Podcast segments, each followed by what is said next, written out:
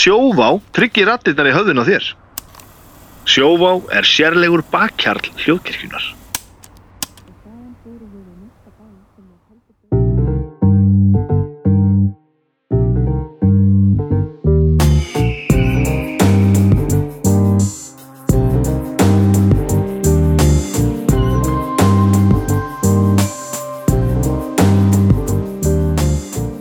Komið í sæl og verið velkomin í bestu plötuna. Ég heiti Baldur Ragnarsson, ég er upptökustur í bestu plötunar. Við erum að taka bestu plötuna upp í, í hljóðkirkjuturninu sem að e, hefur reynst, er að reynast mér og okkur gríðalega vel, er þið ekki sammála því? 100% Þetta er, er gott að vera hérna Það er góð lykt hérna líka. sem er ekki alltaf vaninn, hefur ekki alltaf verið vaninn þar sem ég er sko. Nei, það er svona síðan hún fluttir hingað hefur verið ábyrrandi skortur á vondri lykt Já. en ég hef ekki labbað inn áður ekki fyrir núna og fundið svona, svona ilm. Nú var ilmur núna, Já. en ég menna það eru ilmkerti hérna á borðum. Já, já Já, sem eru reyndar að svo veist þetta það heit hefði eitthvað bara svona hérna til og með Southern Citrus en þetta hérna mér finnst þetta Exotic Wood já, ah, hann verður meira exotic með því að segja ekki hvaða viður þá hefur ekki hugmynd Framandi. framandi, Framandi viður. framandi viður þetta er svona eins og eins og svona þegar maður skoðar umbúðir af matvælum og það stendur svona eitthvað ó, hvað stendur áttur? eitthvað kjöt, þú veist bara svona ó, óútskýrt kjöt eða eitthvað Já. þá er það bara eitthvað sem er sótt í fötuna einhvers staðar já. Já, já, þetta er hann ilmkerti Blandað dýrahakk. Já, nógulega eins og það sé bara í lægi um, Já, en uh, hér er gott að vera, hér erum við og hér erum við konið til þess að tala um músík. En um, það er sagt ég, Baldur Ragnarsson. Við erum með doktor Arnar Egert doktor í tónlistafræðum frá Edinborgar Háskóla Frá Edinborgar Háskóla sem er í Skóðandi Sér Skólandi, takk fyrir sækjapipur, haggis og Viskí. tónlist og viski Já, og Loknes, já. Og loknes Og músík, mikil músík þjóð sko. og hælandir Mikil, Og frekar slappur dýragarður. Já, og Proclaimers. Aðalega Proclaimers. Að Proclaimers hann Já. og svo er það uh, Haukur Viðar. Hæ. sem að skartar hérna í hálfgræslu Já, uh, þú er ákveðið að láta allt fjúka. Já, og það djöfull hlóið mikið þegar þú sagðist möguleg ekki komast í þetta sessjón af því að þú mynd, værir á króparæfingu það er ekki það. er ekki eðlilega hljómar uh, líka ljósið þess að síðan hérna, komst ekki þegar við ætluðum að taka upp Nei, einmitt. um, sem, uh, en hér eru við Hér. Hér ætlum við að taka upp uh, episkan þátt um ekki beint létt með til út með, út með lúkið í þennan þátt Sko, þetta er sögulegu þáttur. Ok, Ég, ég held að þetta sé fyrsti svona þáttur. Og ég segja hvað er sög, sögulegt við það. fyrst í svona þátturinn Og ég segja þér fyrsti hvernig þátturinn þetta er. segðu mér fyrst, hvernig fyrst þetta, hvernig að það sem þú sagðir. Ég held að þetta hafi ekki gerst áður. Við erum það að... er fyrsti þátturinn sem við tölum um bandaríska rockljónsett Já. Nei, við erum sem sagt, þegar þessi þáttur fyrir loftið, Já, eina mínútu yfir miðnætti Mhm. á fimmtudagskvöldi, Nei, að- að- nei, það virkar ekki. föstudagsmorgni, að fara nót förstu dags já, Já, þá er sagt hljómsveitin, skástyrk listamæðurinn sem er til umfjöldunar, Mhm. einni sekundu, nei, ekki sekundu, heldur einni mínútu fyrir búin að senda frá sér nýja plötu. holy moly Þessi þáttur kemur út sama dag og ný plata frá umfjöldunar. Herðu, Og þetta var ekki viljandi. nei, þetta er rosalegt En við föttum þetta þegar við vorum að undirbúa okkur. Já, Þess vegna var mikilvægt að, út af því að það stemdi í að við þyrftum að missa út viku, sko. En Ég- þetta var já. pústl og, og En sko, ég er nú aðalega að hugsa hvort þetta sé pínu óabyrt að að þú veist, síðan tekja á nýju plöttunni Nei, á sko- þessari mínútu og þá var hún best og... Nei, sko, doktorinn, þá kemur koma tengsl doktor nei, nei, nei, já, nei. já, því að við náðum henni með, sko. Djöfull er stundum gott að vera doktor Já, það ég er bý af því að ég fekk sagt svona advance kopíu af plötunni. Sko, hérna barst mér bara í, í, í, í gær og hérna þannig að það er búið að setja hana í, í, í, í hérna, or, hérna kraftskimun af, af mér og ekki sko. Ok. Já. kraftskimun, það er leikilatri kraftskimun er mjög gott orð. Já, eh, en mér heyrist að, ok, þið eru þá helviti vel undirbúinir heyrist mér. Allt á hreinu hér. Um, þannig að það er í rauninni ekki eftir neina býða en uh, þið ætlaði í dag að ræða bestu plötu Cannibal Corpse. Já, og það var eins og til náðan plötunin að það komið rosa óvart að þeir, þeir eru engum hvað sinna dubstep á nýjustu plötunni. Já, já ég minna þetta er bara eiguvandi töluvert lengi. Já, þetta er það var, það kom að því. Kollvörpun, hvernig hérna, myndgerir við þennan þátt högur, hvernig mynd? Og svolítið að vinna með plötuumslu banda oft, það geti reynst svolítið erfitt í þetta skipti. Já, það er það er skemmtilegt tvist á því sko. það, ok, þannig að þú veist sem sagt ekkert hvað þú ætlar að gera. Jú, jú, jú, já, ok, ég ætla bara að byrta umslæðið sko. ha. ég ætla bara að byrta umslæðið já, ok. Já, vá, þau því, eru misógæsleg því líkt tvist. Þau eru misógæsleg sko. þú sagðir að þetta veri bæði skemmtilegt og tvist og þetta er hvorugt sagði skemmtilegt. Já, það er skemmtilegt tvist á þessu sagður já, Því nei, líkur. bara svona venjulegt. Ertu farin að ljúga svona mikið eftir þú lest hári fjúka? Já, djöfullin krópar og legar. Já, já, já, já. um, já, hérna hvernig vil ég nú gera þetta? Ég held séum að fara bara sko, sko, hvor ekkar valdi fyrir það fyrsta? Ég valdi. Þú valdir, Af því að það er alveg eins geta verið þú er ekki, dóttor jú, jú, já, ah, jú, jú. og þetta er sko, þetta er á margan hátt umdeld sveit. Náttúrulega um, það augljósasta sem er umdelt er náttúrulega bara viðfangsefnin uh, plötu umslögin lagatitlar, textar annars líkt, já, já, en svo er hún líka sko innan þess hóps sem gutterar svona uppátæki þá er þetta líka umdeild sveit vegna þess að sumir líta bara á þetta sem já, þetta er bara svona þetta er bara svona sáluna sjónsmís döðuroksins þetta er þetta er sumir, já, sumir uh, vilja menna að þetta sé poppið í þessum gerunum já, og svo skiptist fólk í fylkingar sumir vilja bara gamla efnið líta ekki við neinu eftir fyrstu fjórar Mhm. og svo eru aðrir sem að og, og þar er haukur að vísa í söngvaraskipti Já, og svo eru aðrir sem að kunna ekki að metta það gamla. Þetta er svona, þessi hljónsett er þrætu epli á ímsan mát. já, og við höfum gert talsvert að, eða talsvert, við höfum mögulega tekið fjórar, fimm döður og svo- hljómsveitir til þessa já, já, alveg allavega das já, alveg dassa af þessu og þetta er, ekki að hvað farsælasta eða frægasta döður og slómsveitin Já, sko ég, hvað er búið að taka hingað, hvað er, er eiginlega það er búið að taka Death. búið að Það taka er búið að taka Deicide, Deicide, Entombed Entombed, At the Gates. At the Gates. Uh, en fyrir mér til dæmis að, að stilla hlið við hlið At the Gates og Cannibal Corpse finnst mér stór undarlegt. Já, já. Uh, það er eflaust einhverja fleiri. það var ekki, Já. var Karkas var það komið Karkass að komi. já, já, Já. Þú veist, Karkass eins og At the Gates, uh, þú veist, svona kannski undir já, já, já, kvísl, sko. já, já. en þegar ég sagði sko farsælasta þá er ég að meina bara heilt yfir, þetta er líklega eina döður og hljómsveitin í heiminum sem hefur komist inn á Billboard listan sko. já lítur ekki vera Já, sko, ég uh, ég aflaði mér upplýsinga úti því að maður hefur alltaf heyrt þetta þessi stærsta bandið, sko. Og emitt, Billboard uh, rennir stóðmyndir það. Mhm. svo er þetta náttúrulega hljómsveit sem að hefur uh, hefur átt snertiflöt við meginströmmin þegar hún Já, já. kom fram í, í, í vinsallri Hollywood-kveikmynd vinsælli er, er svona lett til orða tekið kannski Já, það er réttar að segja vinsællri, eins og ég sagði. já, Já.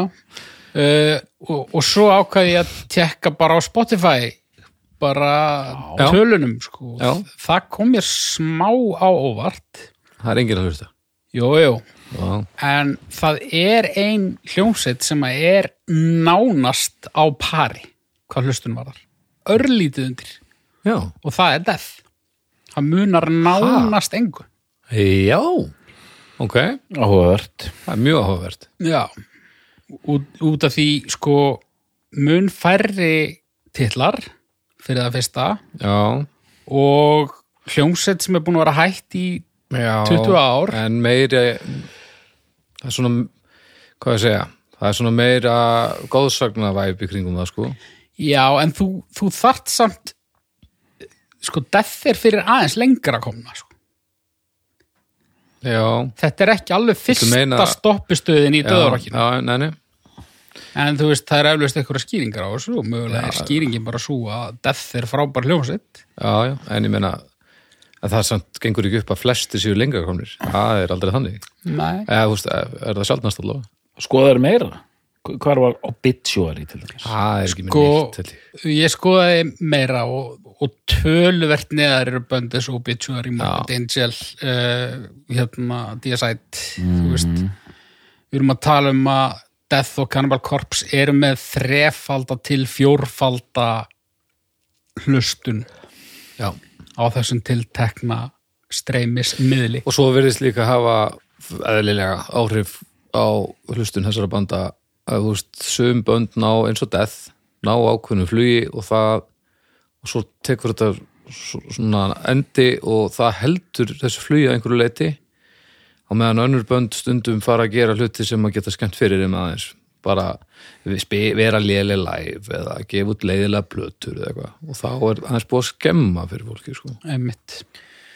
Já, og skítið inn að allir vera vittlausir sem er að hlusta og við tókum auðvitað svo rórisætt líka í þessum þetta já, Já, sálsögðu, rétt. Hérna, já, helviti þett þett vinsla einmitt.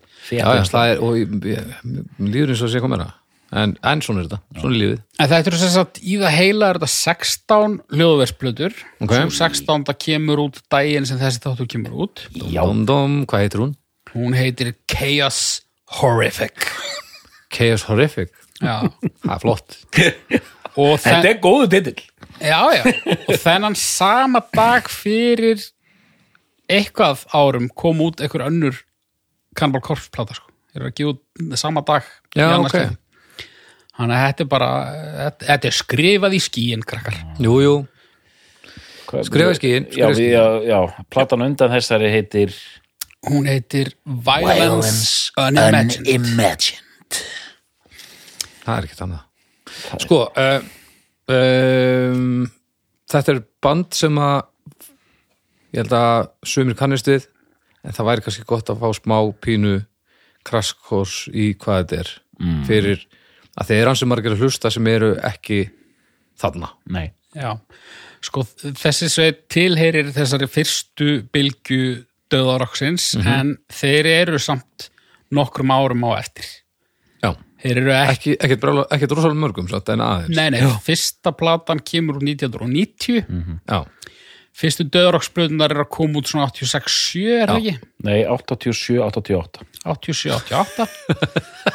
Takk fyrir heyrður þið, ég sagði já og hann sagði 87, 87 Hann er búin að brína dúskin. það er, það doktor í Alveg. Hann er komin hérna til að geta þið fyrir þetta tísku uh, hérna, er, þessi hérna, á þessar ábendingar frá þér um daginn Já. Það rústa þér í Cannibal Corpse þetta er Já, já. Þannig að þeir, þeir eru þarna, þeir eru ekki alveg að, hérna, að koma sér í gang, sko, en þeir, þeir eru þarna heldur snemmi í eitthvað síður. Mm. Stopnaðir í Buffalo, sem er þarna í New York ríki. Mhm. uh, Buffalo, er það borg eða? já, bara, bara svona borg í New York fylki sem ég þarf að fara til af því að ég þarf að fara einhvern tímann á, á leikar Já, Já, já, ég, ég þurfti fyrir árið síðan að velja mér NFL-lið og ég fór í Bill, sko. Já, þetta er vísundamaður. Ég er vísundumæður, vísundur eru hættilegir það var stór partur af þessu og logoður er eins og svona fjárhálsir mót út á landi 92, Já. þannig að gegja það En Cannibal Corpse, eins og mörg döðraksbönd sem byrjuðu annars staðar en í Flórida, þeir enduðu í Flórida. Já, út af því að eins og áður hefur komið fram í, í örgla flestum af þessum þáttum sem við vorum að tella upp, þessum mm þáttum þá varð, varð það mjög fljótlega svona miðstöð amerísks döðarokks af ýmsum ástæðum. Tampa. Tampa. Tampa, já, Og ég- en og ég vil bara, þetta er rétt sem þú segir haukur að, hérna, að, að því að við erum að tala um mjög þetta er svo finnlegt árabil en lang flestar þessar hljómsveitir ef ekki allar náða að koma út fyrstu plötunum sínum 88, 89 þannig að 90 er eiginlega bara dálítið seint sko. Þetta er, eins og alltaf að gefa út psychedelic plötu ekki 67, heldur sko 69 eða eitthvað sko. Já, já, já, já. þetta er svo, þetta er fínstilt sko. já Ef við verðum að tala um grugg þá eru sko Death, Nirvana Mhm. og Cannibal Corpse eru Bush já, já, já. Það ekki? Jú, eitthvað, eitthvað svo leiðis aðeins og eftir sko. Já, já, þetta verður svona Og nú er allir döður okkar en hann úti bara, já, já, auðvitað. Nei, það var, þetta- sko, ef þetta væri indie, sko, það væri Death uh, Pavement og og hérna, kannar bara kofsværi sprengjöðlin Já. Já, já uh, Stopnuð af sko það verið ímsar mannabreitingar við skulum kannski bara byrja á því að fara í gegnum þær núna. Já, Allar, bara allar mannabreitingar í, Nei, ekki allar, Já, bara þær, veist, þær sem skipta einhverju máli sko. hún er stopnuð sko, uh, titlaður stopnandi hljómsættarinnar heitir Bob Rousey. Bob Rousey? Sem er eitthvað dula fylsti maður tónlistasögunar hann spilaði inn á fyrstu tvær langar með að segja.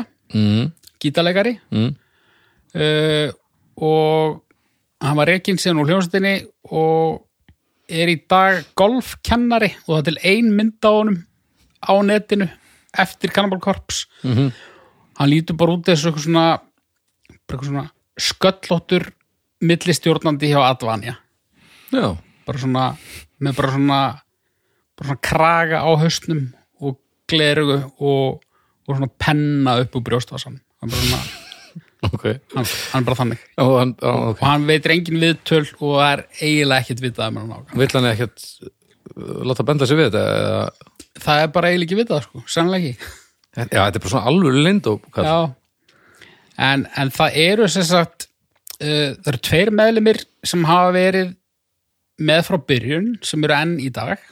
Það er trommarinn Paul Masurkevich mm, sem er pólsk ættaður held ég uh, bandaríkja maður mm og svo er það bassaleikarin uh, Alex Webster.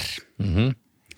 uh, ruttmaparið ritmaparið, þeir hafa verið allan tíman síðan á fyrstu fjórum plötunum er, er söngvarinn Chris Barnes. Mhm. Sem var síðan á fymtu plötunni skipt út fyrir mann annarni George Fisher kallaður George Corpsgrinder Mhm.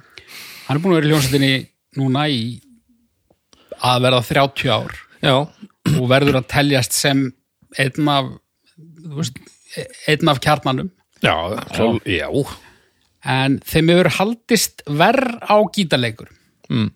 þetta er ekkit, ógeðaslega margir. En, en, en það er svona það er breytilegasti þátturinn. Já, það eru gítarleikarar. Mm. og við kannski bara komum að því í- þegar að því kemur. En, en, en svona lítur þetta út meðlima lega séð. Mm uh, þeir þetta voru nokkrar svona döðrokks skástrík þrassveitir. Þetta var svona samtíningur úr ymsum lokal böndum sem mynduðu Cannibal Corpse í byrjun. Ok, það er hent í demo 1989 eða 8 en þeir allavega, þeir fá plötu samning við Metal Blade 89 og 1990 kemur fyrsta breiðskjáðan út Eaten Back to Life. Hvað segir dóttur? ég átti, sko, ég átti tvær fyrstu plötunar á vínil áttir þú ég átti, ég held Ó, kjallarleiki nei, það, var, það er ég held ég að Andri Freyr Viðarsson eigi þessar tvær plötur sko. eða Frosti Gringo. Ég er eins og hafið stólið þeim. Nei, ég seldi þeim plötunar Seldur þeim plötunar? Já, ég, reyndar, ég sé dálítið eftir að hafa selgt þessar döðuróksplötur mínar sko. ég átti ágæti samt varstu of cool bara ég veit, ég, ég veit, ég, ég veit í, al, í alvörinu, ég veit ekki hvað ég voru að hugsa því ég seldi svona 75% safninu mínu Mhm. og einhvern veginn vegna þá seldi ég allar döðuróksplötuna mínar mm. en ég get huggað með það að Frosti Gringo og, og Andri Freyr og fleiri voru bara þeir svifu út úr garðinu mínum af sælu sko. Já, það, það gerir þetta miklu betra sko. Já, já, það bara, það var dásamlegt það var, þetta var mjög karmisk svona plötusala. Ég átti flott eindök sko, ég átti bara Eating Back to Life eindakið og ég átti Butchered at the Birth. Rauð, alveg rauð og stendur bara Butchered at Birth. Já, ok. Okay. umslæði sjálft sem er algjörlega stórkostlegt. Ég hafði aldrei séð svona áður bara á æfinni Nei, það á ég að færa einhverja grafíska lýsingar hérna, er Já, það sko, já, eða? sjálfsögðu. mér, mér finnst sorry ég gríp fram í fyrir þér. Mér finnst að í þessari yfirferð þá eigi Baldur að lýsa hverju einasta plötu umslæði Ok, þegar það kemur.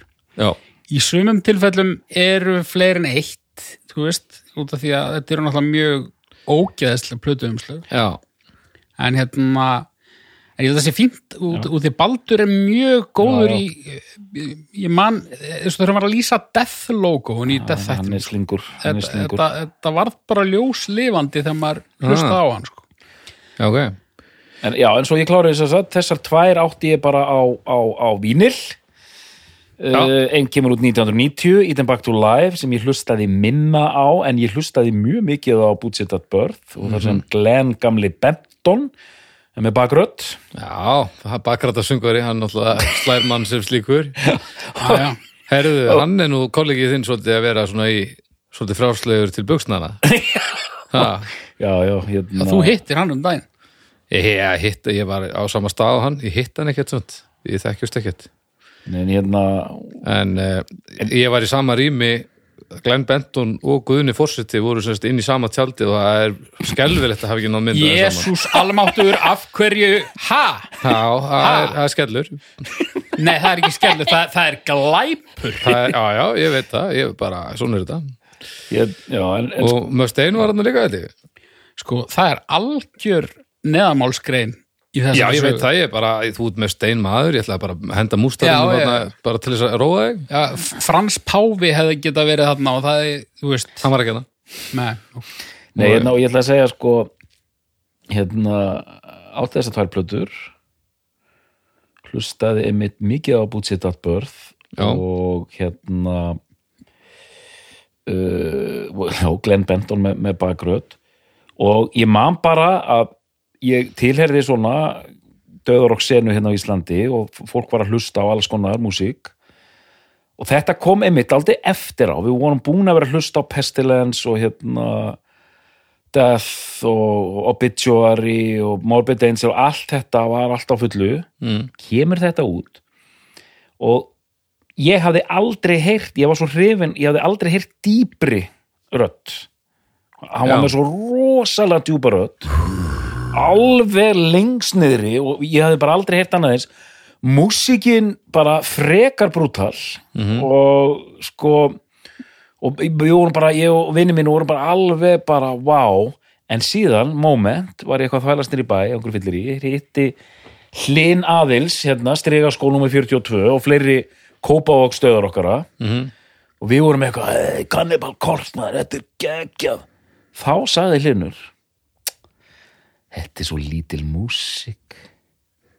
Þetta er bara eitthvað verið krakka þetta er bara eitthvað að vera græ- þú veist, og þessi setning svolítið svona hann, hann, hann put them in their place bara þarna á leikatólki sko. Já, og já, ég ætla ekki að segja meira í byli en, en þetta, ég, þessar tvær voru svolítið að snúast á, á, á fóninum í fjárvarsnum sko. Ok, Já, ég meina þetta, þessi saga kemur ekkit óvart þetta er bara viðmótið frá mjög mörgum döður okkurum sem er skrítið, en samt kannski ekki. Ég meina uh, það má líka þessu bara við eins og bara Metallica eða eitthvað, skilur þú veist.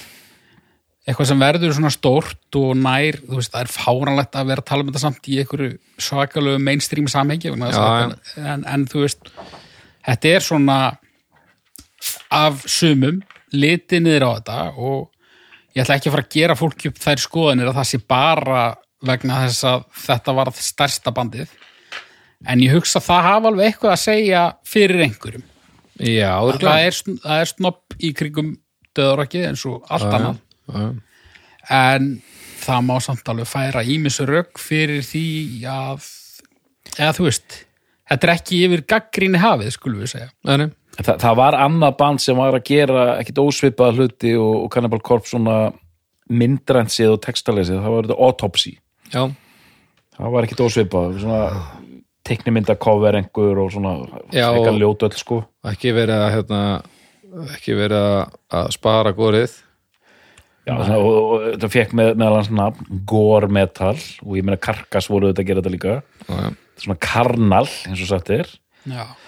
en kannski Já, og þetta sæt nefn að hafa svona smekklar einhvern veginn. Já, já og, og í rauninni líka eins og með karkas sko, það, það var alltaf eitthvað pínu klefver við það sko. Já, já. það er ekkert klefver við Cannibal Corpse Nei, en, en enda er ekki verið að reyna að hafa neitt klefur Nei. þetta er þetta bara hryllingsmynda estetík að einhverju liti Já, bara sjokk effekt Já, já, já En hva, hvað segir Baldur, hva, hva- hvað uh, ber fyrir augu þarna á fyrsta umslæginu? Come Eh, back to life. Ég, ég Eaten back to life, heyrðu, þar stendur maður í gallaböksum með nokkuð sítt ljóst hár sem er reyndar orðið sköllett síns mér. Eh, hann er út í kirkjugarði. Já, og hann e, e, þar er hérna höfulegs uh, stelpa. Og reyndar vandan á lappirnar sinni líka. Og hausinn á hann hangir hérna á legstinni og þessi maður, hann er að geta sig sjálf hans. geta sjálfan sig og, það, og öll inniblinn og allt er að leka upp úr e, og yfir þessar gallabuxur sem hann er í. Og hann er með sko með rifbeinin uh, úr sér vinstra megin í vinstri hönd. Hann er eiginlega bara búin- tók bara í þau og reyfði úr.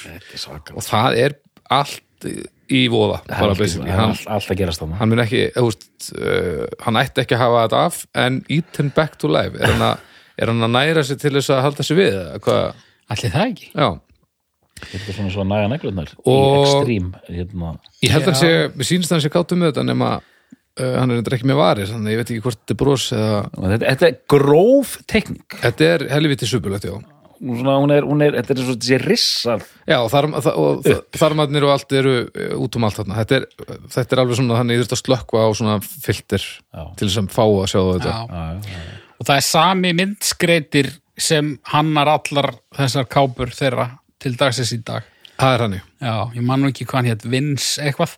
Já. En eh, segðu okkur frá umslæðinu á, á budget Uh, já, uh, Butchered at Birth. Já Já, Par, herriði, tveir félagar, Tveir félagar standa við borð Standaði borð og það er kona á borðinu, Mhm. hún er helviti slöpp. Já, ok uh, og það er sérst verið að- að heyrða úr henni ó, þá rétt áðan ófætt barn held ég, þetta er, er svo, svo lítið eftir af þessari konu. Já, já. og hann er að stinga hana líka hinn, annar gaurinn sko.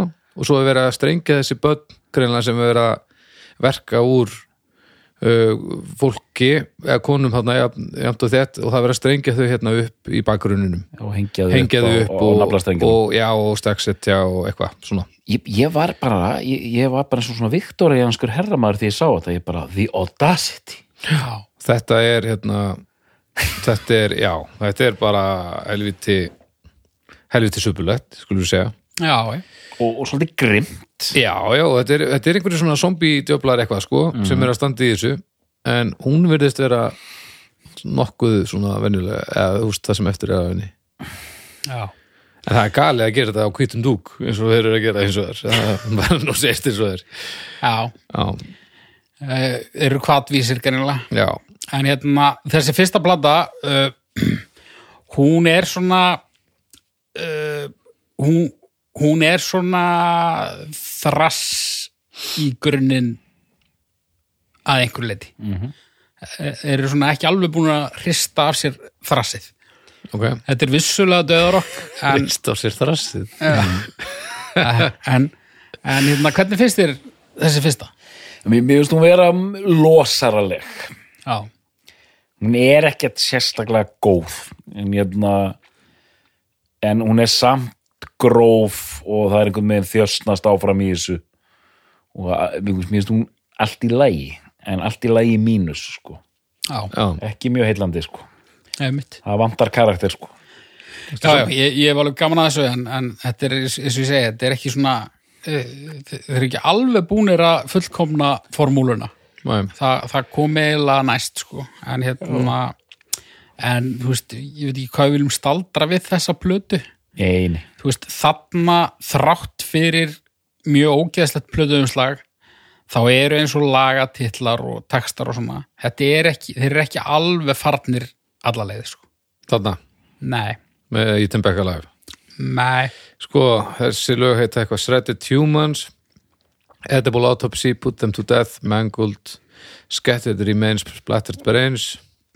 Þetta er svona svolítið þarna sko Rotting Head og Bloody Chunks og Skullful of Maggots já, já. já, já. Þe þeir eru alveg komnir áleiði sko. Þetta er Barnes Já, þetta er ógæðslegt en ekki, ekki vel ógæðslegt Nei, þetta er ekki svona, nei, og þetta er þetta, svona huh. þetta er líka ekki komið á þetta sko verðum eiginlega að ræða þá eftir sko. þetta er ekki alveg komið út í sko óverjanlegan viðbjöð sko. mm. því það er það er tímabil hann á barnstímanum það sem að maður er bara ægi í alvöru strákar. Veist, come on. Mm. minnst þér ekki alveg komnið þangað sko? Þeir dra, já, og setna þeir draga það, já, það er eiginlega svona svolítið misogyny, já, svolítið svona hvern fyrirlitning á þessum fyrstu blötum sem þeir bara droppa sér sko. já og svona einhverja svona nöðgunar fantasíur og, og bara svona rosalega svona fókus er að ofbeldi hér konum Já, ég meina ég ætla að skýrast að dæmi um það er stripped, raped and strangled eða fucked with a knife. Já, Já, þetta er ekkert gaman strákar. Nei. þetta er, þú veist og ég er ekki að tala um tónlistina þetta er, þú veist það er alveg bara fínt Já, bara skull full, full of maggots She was flott. asking for it. Já, Já, Þetta er bara sko. Já og, sko ég gerði einhverja pyrraða hérna í einhverjum þættunum þegar ég var eitthvað svona í hálfkæringi að gera grína barns. En ég er alveg pínu erfitt með hann sko. Það því að hann kemur með þetta svona kannski er ég eins og bara einhver, einhver hérna, ráðsett húsmóðir í vesturbænum sko. en mér finnst, mér, ég hef ekki gaman að þessu sko en hann fór sér í hljónsveit sem er, er mikið hleið að veit ég, ég þekki hann lítið, hérna Six Feet Under. Já, já, er hann ennþá í þessum gýrðar eða? Eh, það sem ég hef heyrt nei, ekki, ekki alveg svona sko. alls ekki Nei, ég meina, nei, þú, þú náttúrulega getur ekki farið þangað lengur sko nei. en sko, er nýjasta plata þeirra, 60. er 2020 Já, já. Já, það er bara eitthvað amputator og migraine. Já, og eitthvað. Það, er alltaf Ah, Dead Girls Don't Scream. Það er smá, en ég Já. meina þetta er samt í samhenginu þá er þetta aðeins annað.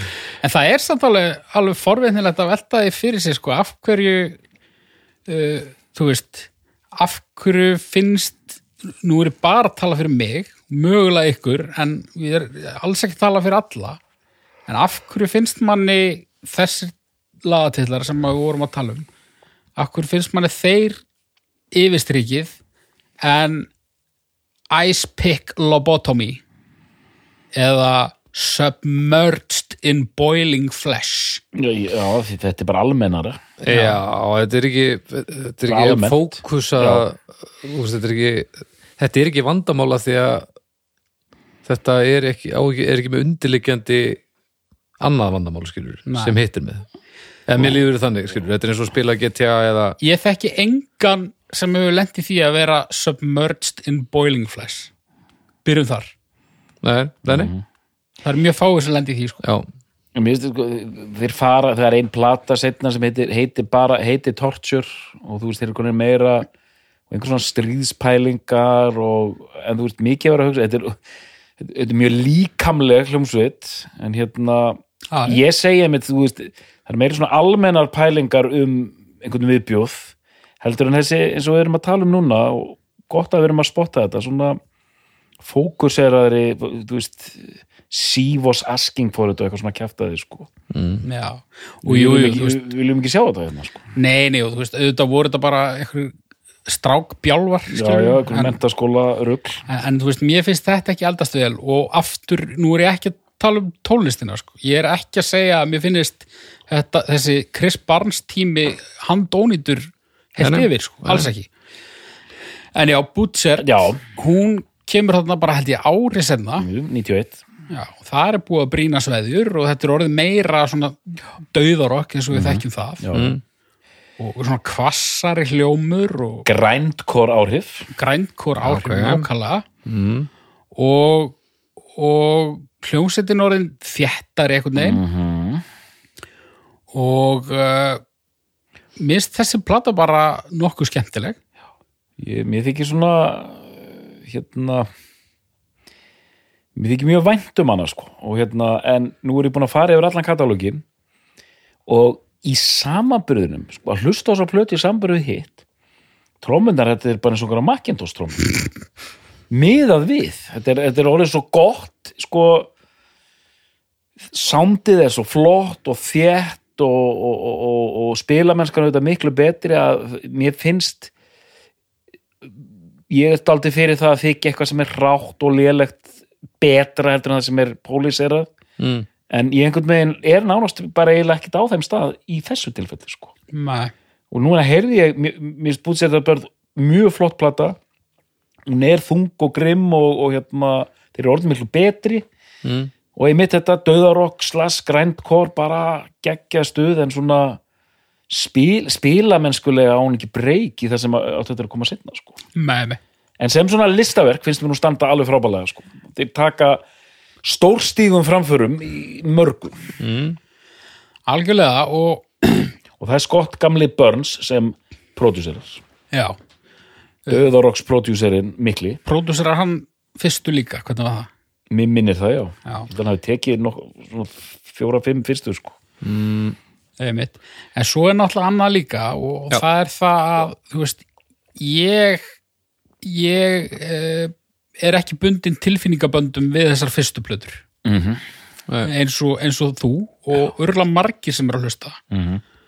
Menn sem eru jafn gamli mér eða aðeins eldri. Bara svona, þetta aldurspil á milli mín og þín. já, já, það það eru margir þar sem eru að hlusta sem að hlustu á þetta á sín tíma elskuðu þetta og, og emitt kannski mögulega finnst uh, ég vera of svona eitthvað uh, glannalegur í að eða gera lítið úr, úr þessum fyrstu plötum sko en, en, en mér finnst það ekki ekki slæmar sko en, en mér finnst hvorki fyrsta nýja bútsert besta barnsplatan sko. Ok, 92 kemur síðan út platan, þriðaplatan Tomb of the Mutilated. Mhm. og uh, nú gef ég baldri orðið. Hvað hva, hva er hann að veistlæðin? er geggja kofir sko. Eh, ég, ég ætla að þetta er svolítið magnað.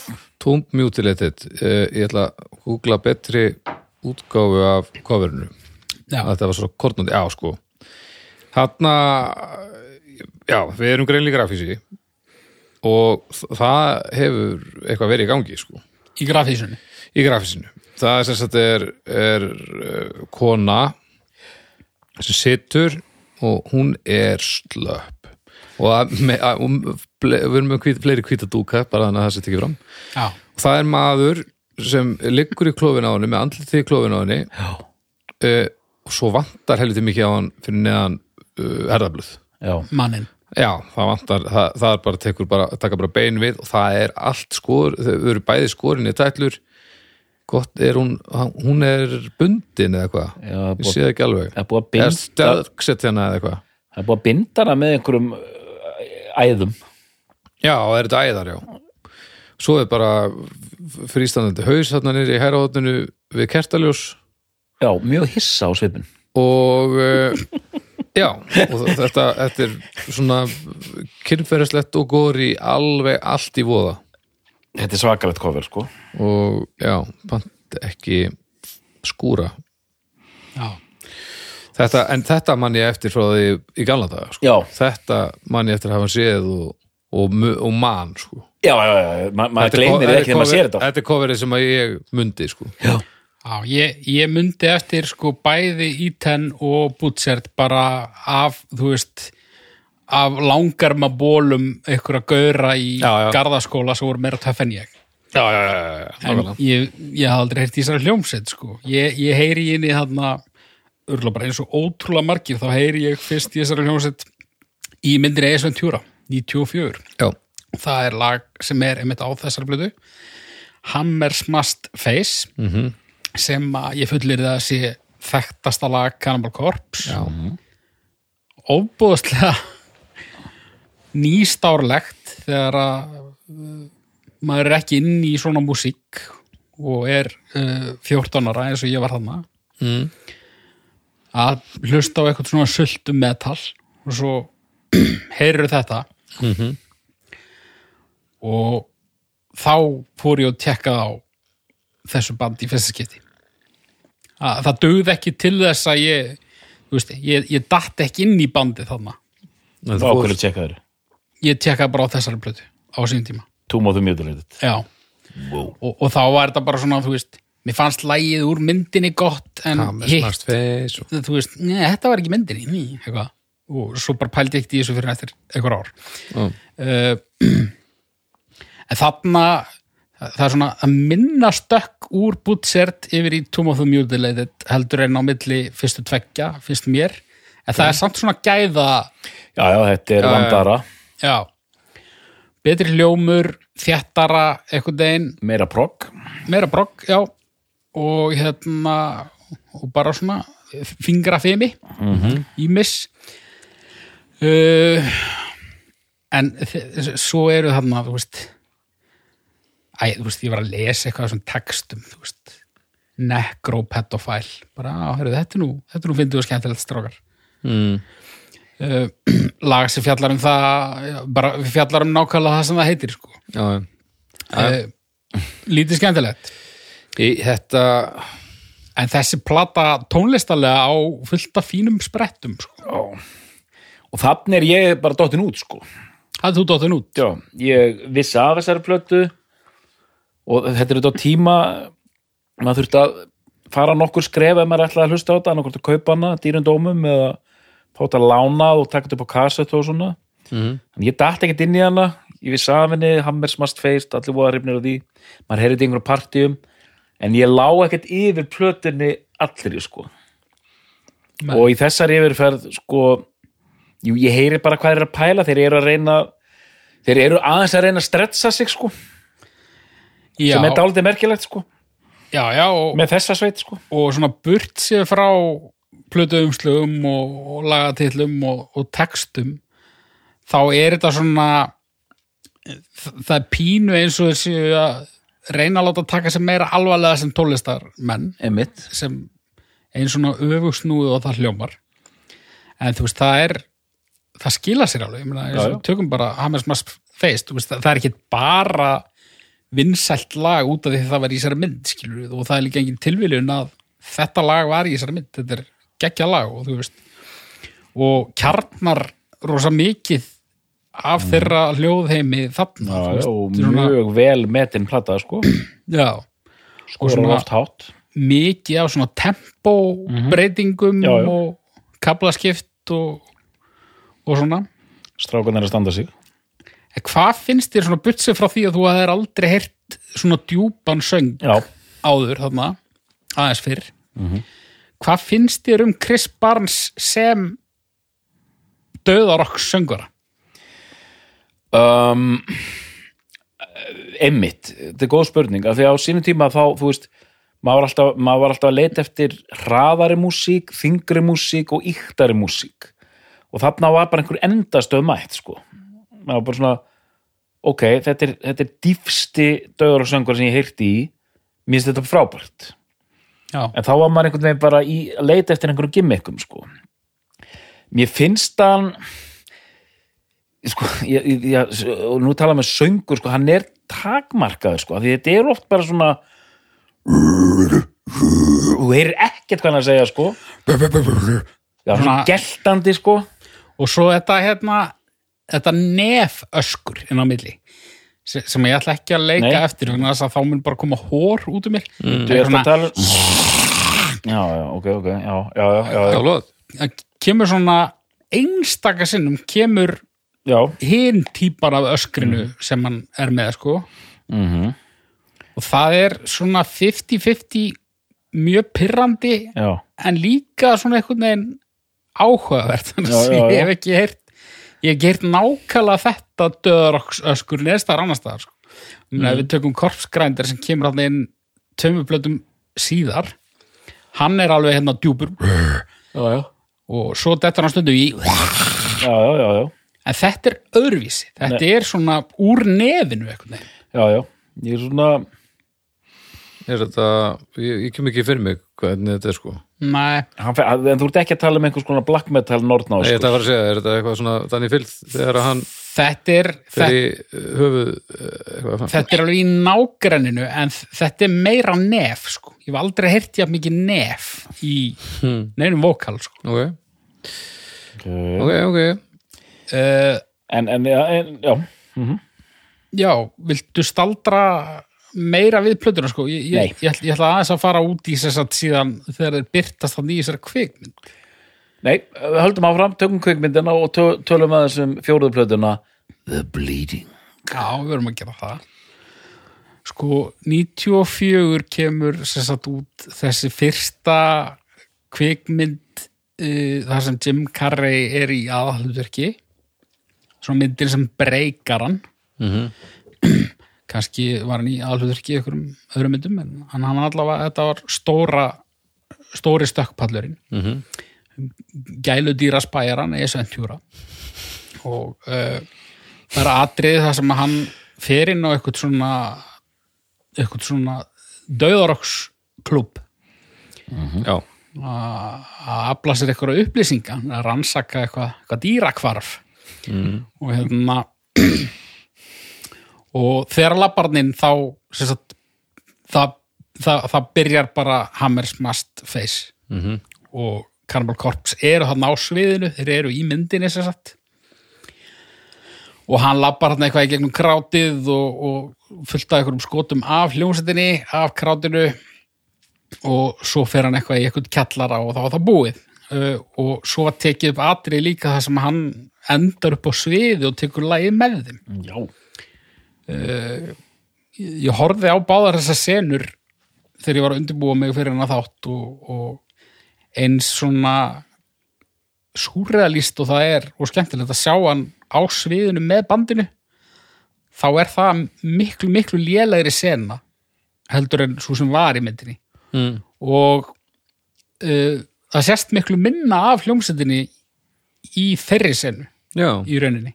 Ok út af því það er bara meira að vera að fókusera á veist, það er meira aksjón bara þarna svona minni fókus á bandið sko. bandið færum að heldur gott spotlight í atriðinu í myndinni eins og við sáum hana uh, og þetta sem sagt uh, sagan sagði alltaf og þeir staðfesta þetta að Jim Carrey sjálfur óskaði eftir þeim í myndinni. Í myndina. Uh, Masurkevits trommari, hann reyndar sagði að hann hefði heyrt einhverja orðróma um það að, að þeir hefði verið plan B og uh, fyrst hefði þeir sérst viljað Napalm Death sem hafa ekki getað þetta eða viljað þetta eða eitthvað. Ok. En sagt uh, en- Cannibal Corpse enda á því að neyðast til þess að afþakka þetta út því þeir voru á leiðinni á einhvern Evróputúr. Mm. og þá var það bara græð bara þessum tökum var senkað. Já, ok. Þannig að þeir getur verið í myndinni. Já, já, og hérna og hann tala bara um þetta eins og bara eina mögnuðustu lífsreislu æfisinnar sem bara skiljanlegt. Og á þessum tímapunkti höfðu þeir náttúrulega ekkert hugmynd um hversu stór þessi mynd yrði nei, nei. en sem Karri var orðin frægur úr sjónvarpi og þeir þú veist, hann var í, í þeirra augum legend en, en, en kannski alheimurinn þekkt hann ekki. Nei, en síðan var þessi mynd náttúrulega uh, alveg hryllilega hryllilega vinsæl. Já, þetta var þittari og þetta hefur nú alveg örgulega haft einhver áhrif á það að Cannibal Corpse er í þeirri stærð sem að hún hefur alltaf verið. Já, ímynda maður sér. Já, já, og, og þarna hvað er Dúti Liverpool og, og Bólurinn og, og Halli, Halli Hæ- Hælúks eða hvað hann heitir og, og, Halli Hælúks og Dilli á liftarannum þeir svona fá þeir sjá döðurokk sko bara þe- þessu smiglað inn í meginströmmin sko Já. og þetta lag er líka þannig að ef þú á annar borð fílar þungarokk ert ekki í döðarokki, veist ég vel ekki einu svona hvernig það hljómar Mhm. þá er sko introið, það er húkkur í því Mm. það er svona, þú veist og bara, ú, þetta er geggjað og svo kannski byrjar söngurinn og þú bara er þetta er ömulegt Mhm. en hérna, þetta var allavega nóg held ég til þess að mjög margir og ég þar á meðal og hvað maður tekka á þessu sko. Já, plantaði þetta sér til sko. Já. En hérna, En hver, keiftur þið plötuna eða fyrst Nei. að lána það eða ég fekk hann eitthvað lánaða bara. já, Uh, The Bleeding kemur út, er það ekki sama ár og þessi mynd kemur út, jú, 94 94. Hún er oft nefnd sem besta plata Cannibal Corpse. Mm. og hún er nær alltaf nefnd sem besta plata uh, ég var næstu búin að segja George Burns tímabilsins. George Burns er uh, annar maður. Ok, uh, Chris Burns. Bar Chris Barnes, Barnes. Já, hún er eiginlega alltaf nefnd sem besta Chris Barnes platan. Ok. og, og mjög oft nefnd sem besta Cannibal Corpse platan. Já. og ég skil það alveg upp að vissu marki. Þó hún sé ekki mínu uppáhalds Mm. þá, þá ber hún af já, já. ef við erum að skoða þessar fyrstu fjór Já, Mér finnst hún vera einmitt svolítið svona, þetta er svolítið svona sjáu hvað við getum plata, sjáu hvert við erum komnir. Hún er, hún er svona, bara coverið er arti það er arti. Uh, Þetta það er svona einhver Það eru til margar útgáfur en sem sagt svona official útgáfan sem hljómsveitin lítur á sem official útgáfan að það er nærmyndin. Er það nærmyndin? Já, Þetta er svolítið svo einhver það er, bara nærmynd af einhverju sári. já, eitthvað Já, Skinn já, eða já, blóð að sem er, sem er sárið sem er á, á kviðnum á gurðum.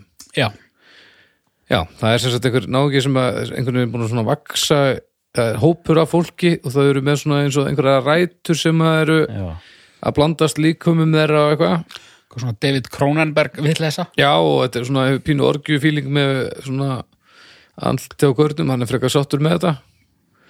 Eh, en svo er greinlega búið að summa gett mikið hérna já, inn á magasárið á honum, eða úst, utónuleikindi magasárið, þetta er ekki svona standard magasár.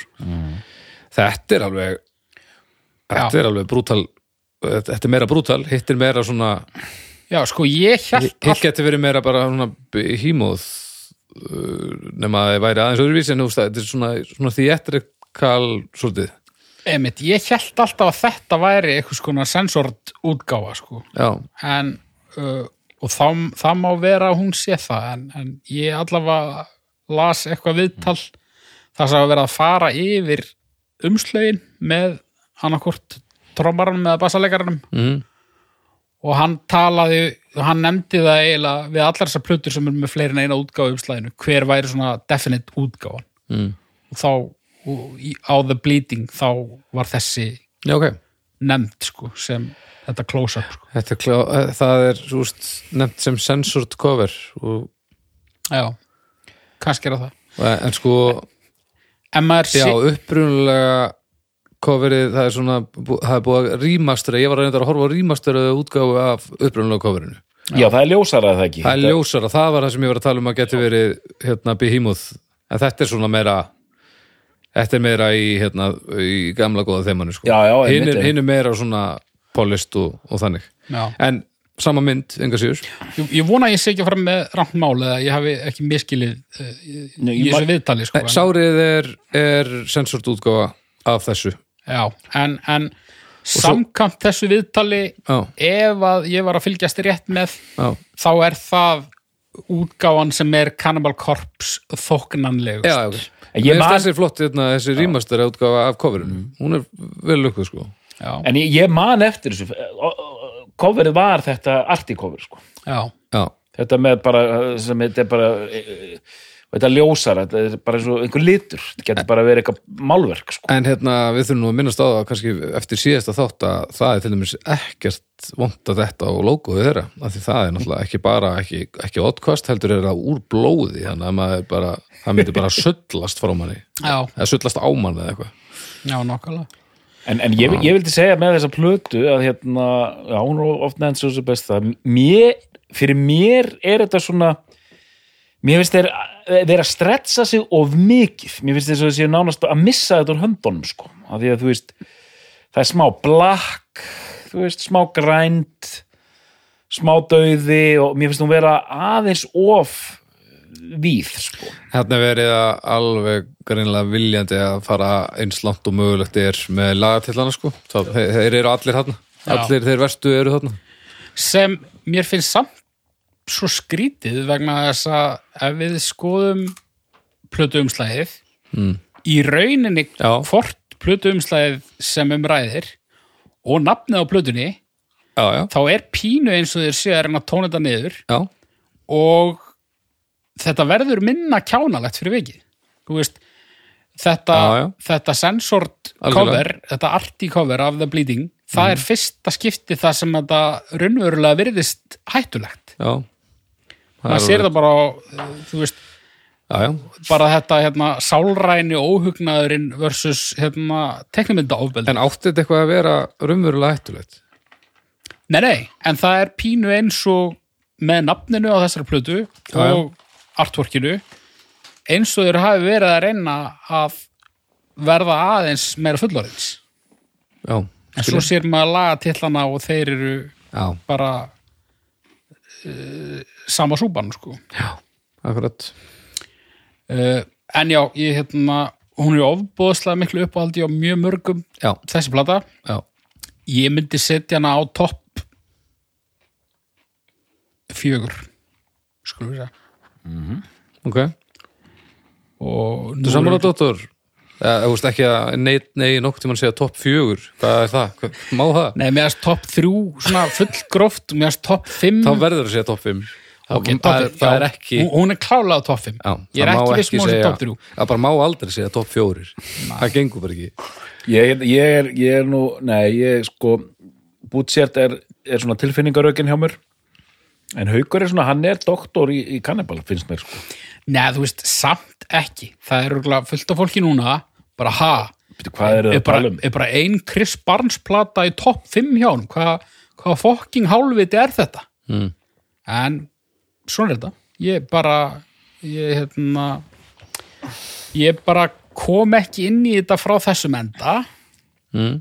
og þú veist auðvitað auðvitað stýrir það þessu í aðra hvora áttina Já, að einhver leiti ég veit ekkert hver, hver staðan væri ef ég hefði verið bara all in þarna á Chris Barnes tímarum nákvæmlega. En hérna en sko ég byrja í rauninni ekki að fylgjast svona virkilega vel með fyrir náttúrulega nokkrum plötum síðar. Mm.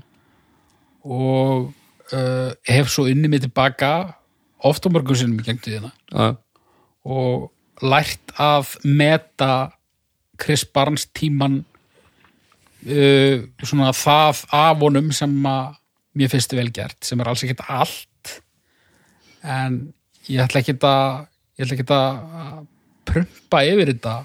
Nei, nei. Þó þetta sé ekki alveg hérna ég veit ekkert hvað er að segja strákar. Nei, ég ætlaði bara að býða, ég var bara að býða Já, Herðu, það er ekki mikið verið að skera mann úr snörunni hérna. Nei, ég var að fara að koma inn en Já, síðan einhvern nei, veginn, ég, eh, það er algjör að ég ætlaði að skera það snörður með langri sögur sem kemur ekkit við þannig að ég legg til og höldum bara áfram. Já, já, ég, ég er ekkit ég er ekki komið til að skera inn á snöru sko.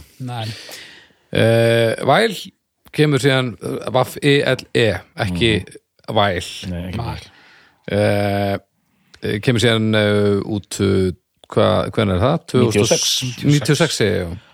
Evil bakk já Já, nefnilega og þar eru svona kannski mikilvægustu mannabreitingarnar á þeirra ferli búin að eiga sér stað Já, uh, hann er uh, látin taka pókansinn hann Chris Barnes Já, hver er ástæðan fyrir því? um, ég hef aldrei fengið konkrétt uh, eitt loka svar við því sko.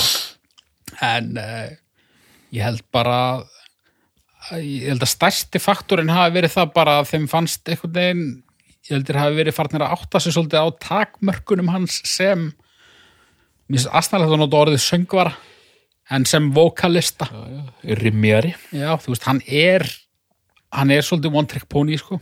Já, og uh, ég held líka bara þessi erfiðu gaur uh, nei, ég held ekki hann, hann, er náttúrulega, það er eitthvað að honum sko. ok, bara staðfest hann, Ok. er, hann er algjör rugglutallur ok Ég veit ekkert um hann og sko, nú veit ég svo lítið um þessa gítaleikara Mm. en sko Pól Trommari og hérna uh, bassaleikarin Webster, Webster. Þeir eru ekki rugglutallar Nei, nei. Ok, og það er eiginlega með ólíkindum að einhver í þessari hljómsveit sé ekki rugglutallar Já, já. en, en þeir eru það hvorugir. Mm. uh, Korpsgrændir uh, söngvarinn sem tók Háls við. breiðasti maður Já. mennska trappissan hann er ekki ruggludallur en hann er svona, hann er svona lovable bara svona, hann er bara svona Hann er bara, risabarn. Já, hann er bara svona virðist vera frekar næst nági já, þú veist, þú ert ekkert að fara að spjalla mikið við hann um niftenda hraðalinn í CERN en ég held að hann sé ekki heimskingi. Já, nei. en sko en trommarinn og bassalegarinn maður, maður spottar það strax þegar maður heyrir þá tala að þeir eru þeir eru, þeir eru, þeir eru, þeir eru klárir menn sko. Ég tók símaviðtal við Webster. Já, ok hérna þegar þeir kom til landsins 2006, segir mann rétt Já, í kringum uh, plötuna Kill. Og hérna tók við hann símaviðtal og þá heyrði maður strax þetta var svona þetta var svona professor sko. Við sinn alveg upp á hár hvað þeir voru að gera hvernig þetta á allt að rúlla Mhm. og bara söltu slagur á hinum endanum sko. Já, bara svona er þetta bara og bara við erum bara í já, hann er mesti kani sem ég hef nokkuð tíman vitað Nú. um, já, bara svona fasið og er hann meiri kanni heldur svona svona kúrekaprestur í svona alveg hvítum kúrekagala? Já, eiginlega. Já, vá, ok.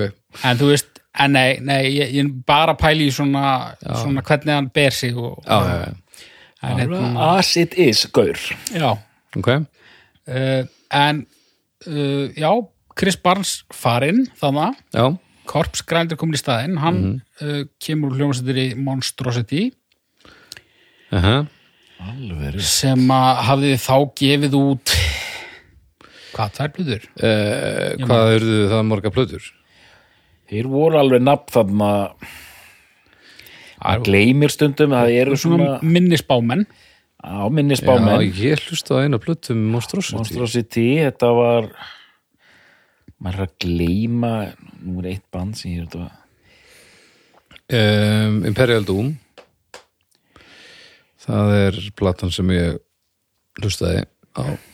Ok, sem er fyrsta platan, 92 um, ég veit ekki hvað hann er á mörgum blutum ég þekki það ekki. Látum okkur sjá Ég, ég skal bara finna það en þið skulle ekki láta hérna, trubla ykkur. Monstrosity, já, já, nú er maður að rifjast upp fleiri, fleiri nöfn sko, Current sko, members eru bara einhverjir sem eru ekki með með Wikipedia legg auðmingjar en Korpsgrandir er 90 til 96 já, já, já, eh, eh, það þýðir að hann er á tveimlutum ok. Eh, allavega, eh, hún kemur út 96 hérna, personal, já, Korpsgrandir hann er á fyrstu tveimur.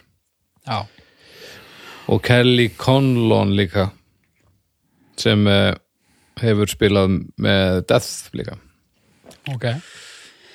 Og þetta er svona enn eitt dæmi um það sem að aðdáandi gengur til liðs við sveit sko, nema reyndar þarna þá, þá var hann í, í ég veit ekki hversu virt hljómsett uh, Monstrosity var en hann var allavega, hann var áhangandi Cannibal Corpse.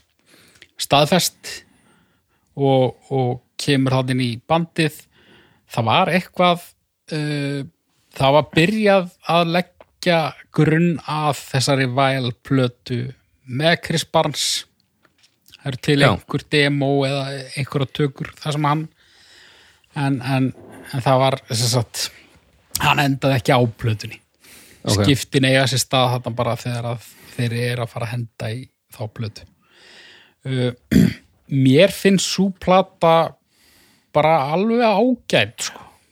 uh, og maður heyrði það strax að þessi maður veldur hlutverkinu já, 100% já, og uh, bara svolítið svona haldið áfram þú veist, hún er ekkit eitthvað uh, hún er ekkit engin kópía af bleeding en, en Nei, er svona bara eð, eðlilegt skref og það ke- kemur kannski betur fram á plötunni á eftir.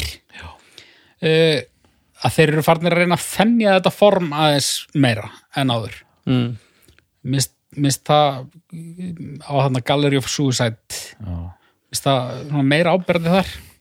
En væl þú ætlar að segja okkur aðeins frá plötuumslæðinu því að það er áhugavert. Já heyrðu það er uh, það er maður sem er stattur í einhverjum helli síns mér. Eða er þetta Gráli, er þetta gráleitt? er gra- gráleitt. Já, þetta er grálegt, það er einhver svona hellir eða eitthvað og, en hann er reyndar, eh, svo því sem ég held traga þá er hann reyndar ekki allur statur á þar heldur, það er vantar hann alveg neðri part að mestu. Að mestu. Uh, hendurnar eru er þetta ekki gattavýr eða eitthvað, það er búið að vefja þeim allavega jú, hann er, búið að festan helviti vel með gattavýr já. Eh, það er búið að strengja munnvikinn til hliða með gatavýr, það er búið að augunur eru opin, að- að- þeim er hald, hérna, verið að halda þeim opnum með gatavýr líka. Hver fremur? Það er, uh, það er gat inn í hausin kúpu og það er heilinni þar fyrir innan. Nú, já, já. Svo er búið að skera hann já, já. hann er með svona vaff þörti við bringuna og svo, svo djúpaðan saum Já, niður að nafla og þar byrjar ballið sko eiginlega. þá, þá, þá, þá kemur óvæntur hlutur á pókasvæði Já, það er óvættur hlutur úr bókasæði en sko, en úr maganum sem þar endar eiginlega bara allt. Það er eiginlega bara, það vantar næstu allt sem er þar fyrir neðan. Og út úr þessum, þessum það sem að mægin ætti að vera, sem er núna svona op, það er svona lirfuhaugur sem liggur einhvern veginn. Og fyrir framann hann með nokkra, nokkra lirfur á sér. Þar er uh, titlingur. Nei, hans. Þar liggur titlingur. sem ég gefi mér að sé hans en hann er alveg ótengdur þannig að það er ekki gert örugt í þessum efnum. Nei. Eh, og óstarfhæfur. uh, já og, og umskorinn Ó, um, Er sérst í það er sem er áhugavert það komandi- er komandi frá, frá bandarækjunum Sérst, já, þannig að óumskorinn sennilega er, er það uh, eina ástæðan fyrir að platan heitir Væl. Annars myndi hún heita bara eitthvað kvöldstund. Uh, já þannig að við erum að vinna með helviti súran stemmara og uh, restina af hann er einhvers staðar. Og það vantar hendurnar líka sérst, hendurnar enda þú veist það er búið að vega þeim uh, einhver svona stúfum greinlega inn í gatavir, Þetta er, vá, þetta er bara þetta er svakar er kíktu á lagatillana án þess að þú þurfur að lesa á eitthvað alla upp en þarna er aðeins svona eh, þarna er tekið skref tilbaka úr þessu sem við vorum að ræða áðan. Er það ekki rétt? Í, jú, en það var, það var bara eiginlega ekkert eiginlega ekkert hægt að taka ekki skrif tilbaka en sko við erum með samt, þú veist e, nei, þú veist per, perverse, suffering.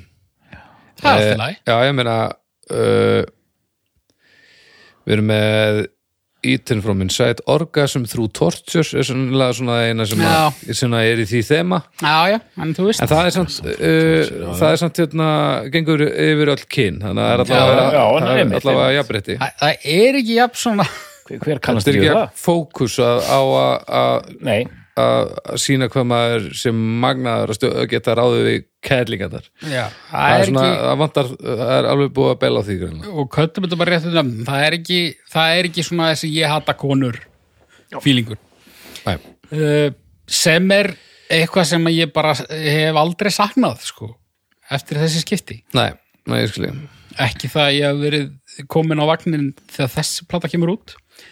En hérna, en bara fín plata og ég veit ekki hversu svona grundikt við eigum að taka þetta plötu fyrir plötu, mist allt í lagi. Við erum alltaf gaman að fá að heyra hérna um umslöðin, sko, við verðum að Já. smá tíma fyrir stóra samíkið Já, já, en það er gaman og því ég veit eh, það er gaman að fara hans í gegnum allar plötunar því ég veit að það er alveg slatti sem er að hlusta núna og bara sem fylgir bestu plötunni til dæmis í, í, í þessum spjallhóp sem er bara í, það er bara hátíð í bæ núna að fá alvöru döðarókstátt sko. Margir? Já, ég ætla dálítið að giskinni það sko. Ég held að verði mikið um húrarúpp já, já, fleiri en fimm.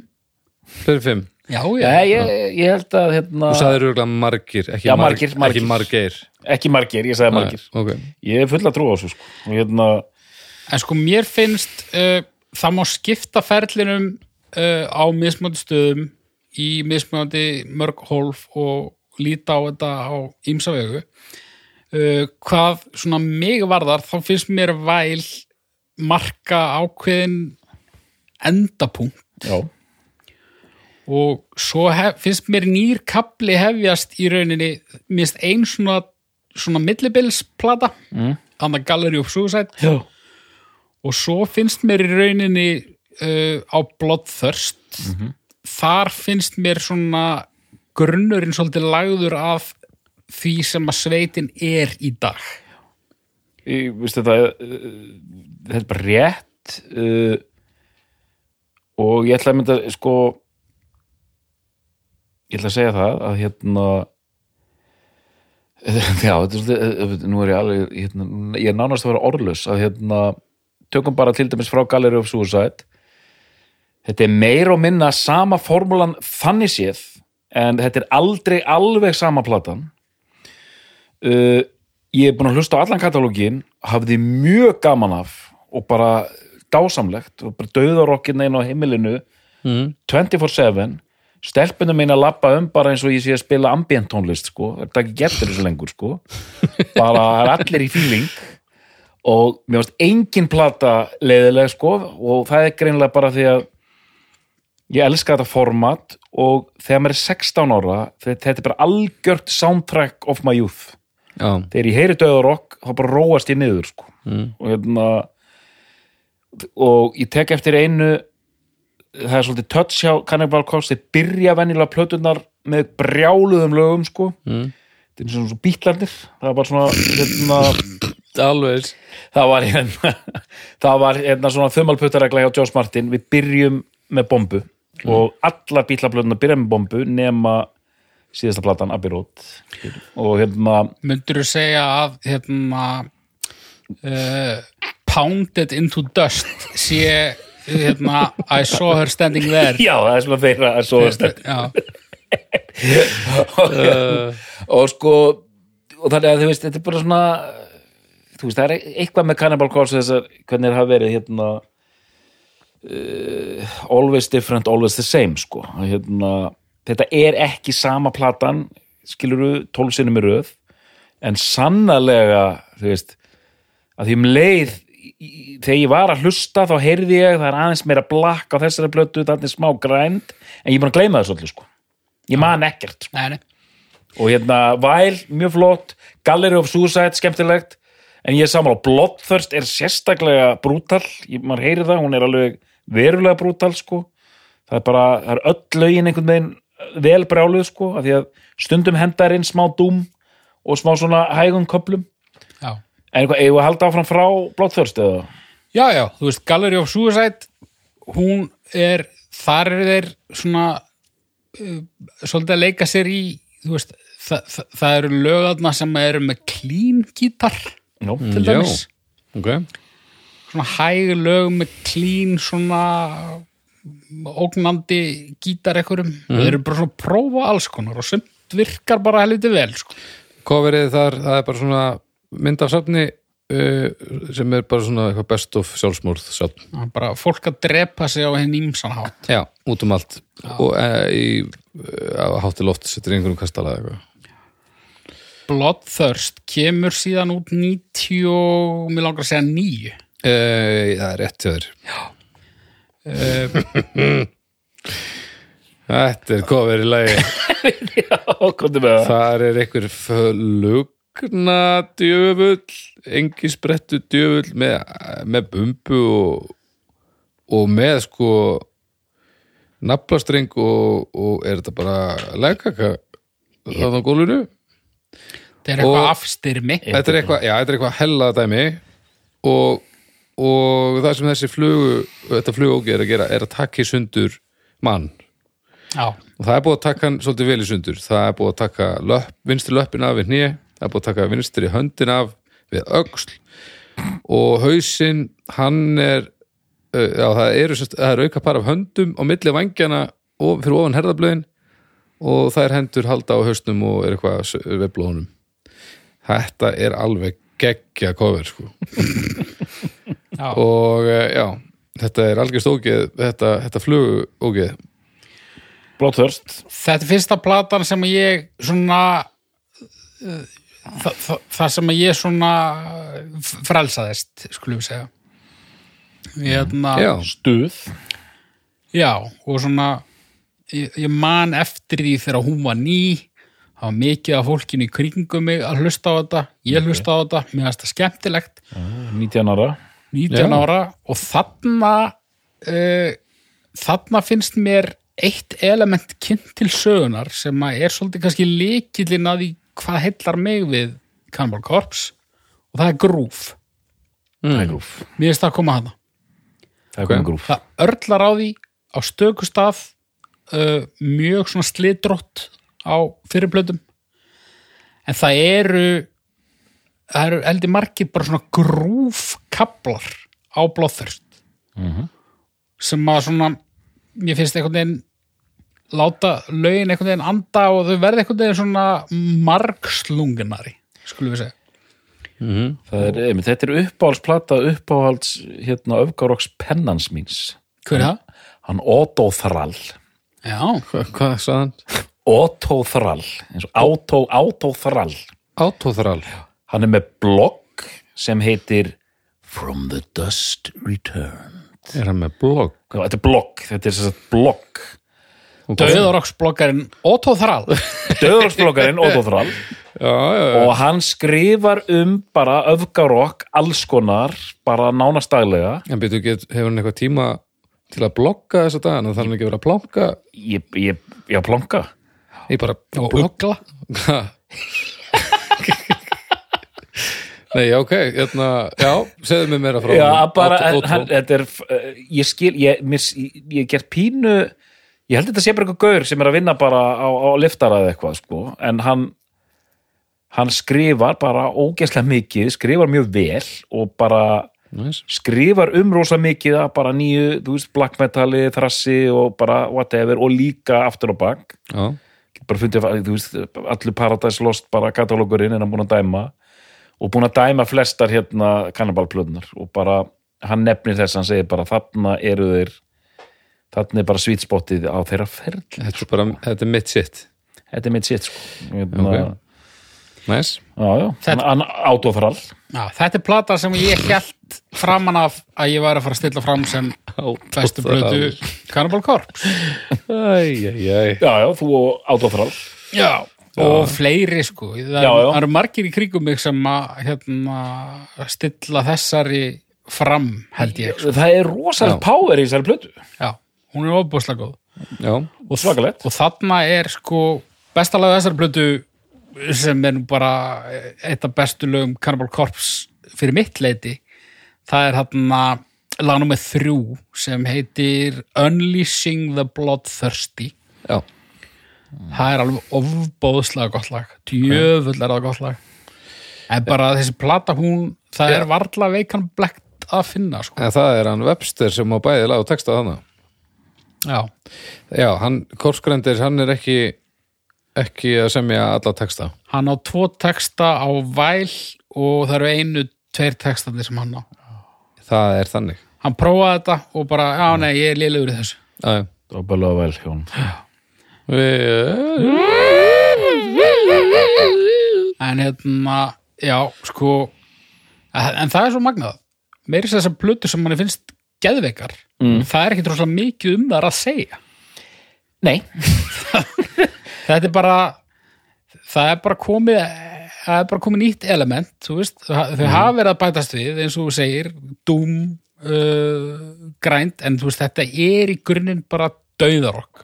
Dauðarokk, þetta er dauðarokk. Já, ég meina, ég held að hver einasta plata sem að ég er búin að skoða hérna á Viki er bara skráð genre death metal. Já. það er, við erum ekkert að flækja þetta neitt sko. En ég meina þú getur gripið í þetta, þarftu smá dauðarokk bara gripur í þetta. Já, já.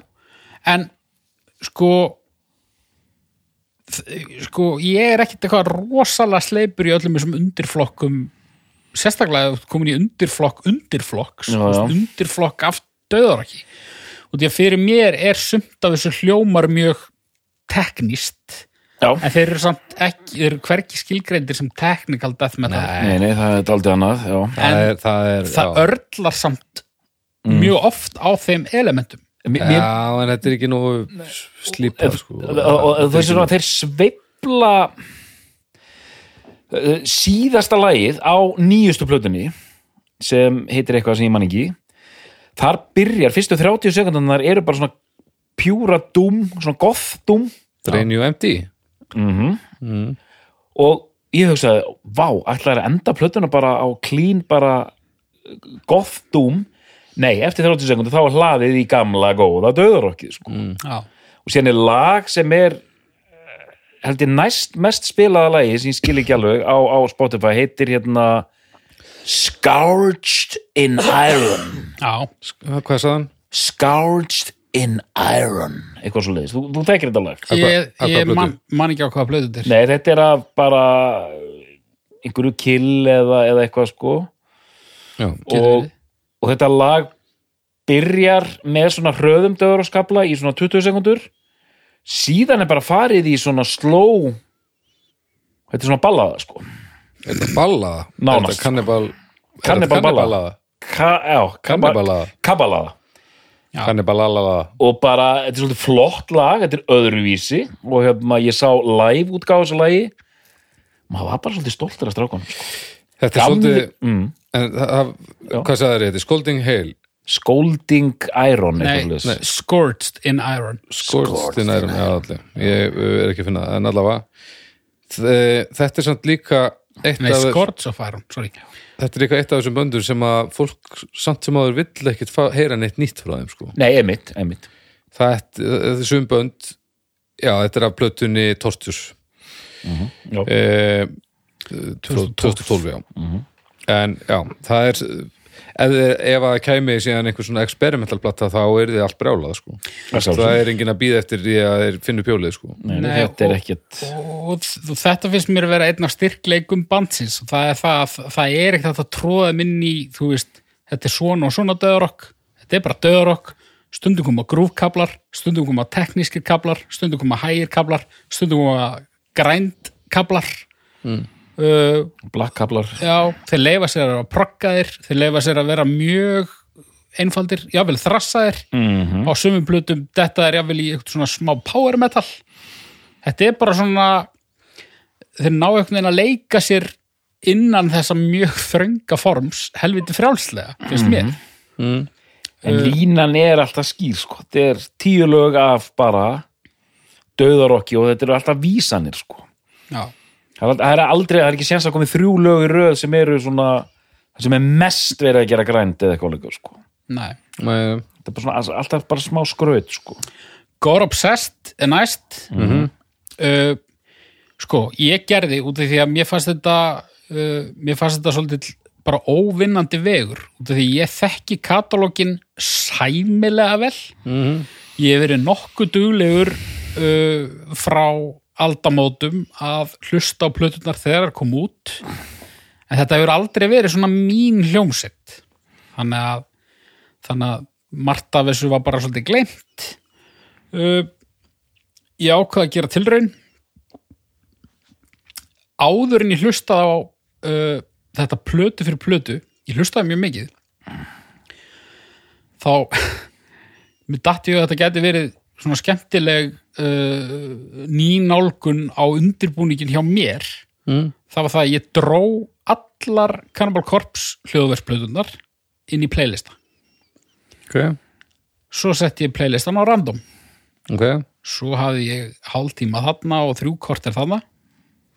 Hlustaði á lögin ef mér fannst það gott eða betra en gott þá dró ég það inn í nýjan playlista og eitti því úr þessum playlista. Ef mér fannst það meh eða lélegt þá eitti ég bara út úr þessum playlista. Wow. Svo þegar ég var búin að þessu þá rendi ég yfir uh, sem sagt bara af hvaða plötum hvaða plötur áttu flest lög inn á þessum lista. Ok, og niðurstöðunar voru komu mér á óvart. En eitt af því sem kom í ljós þarna er það að Gore Obsessed er minnst upp á Holds Cannibal Corpse plata mín. já ok, það var eitt lag af henni sem að já, já, e, góð sagahaugur já, já, mér finnst þú fín Þetta er metnaður Ja, var sko. Tilkomum mikið en, en það var samt pínu misaræmi síðan sko fór ég að hlusta á plötunar og svo að ég náttúrulega hlusta á mjög mikið af þessu áður Mm. það voru kannski fleiri lög af plötum sem að ég held að ég væri minna hrifin af sko Mm. Uh, Hvernig er umslæðið á Golopsast? Herðu, það er svona einhver hittingur. Það er liggur uh, maður á bakkinu. Það er búið að taka honum höfulegri og það er hendur að koma upp á jörðinni. Þetta er svona eitthvað kvikisindi segja hvað vantar á hann hönd og það er alltaf búið að opna hann eins og við gerum nú bara ráð fyrir.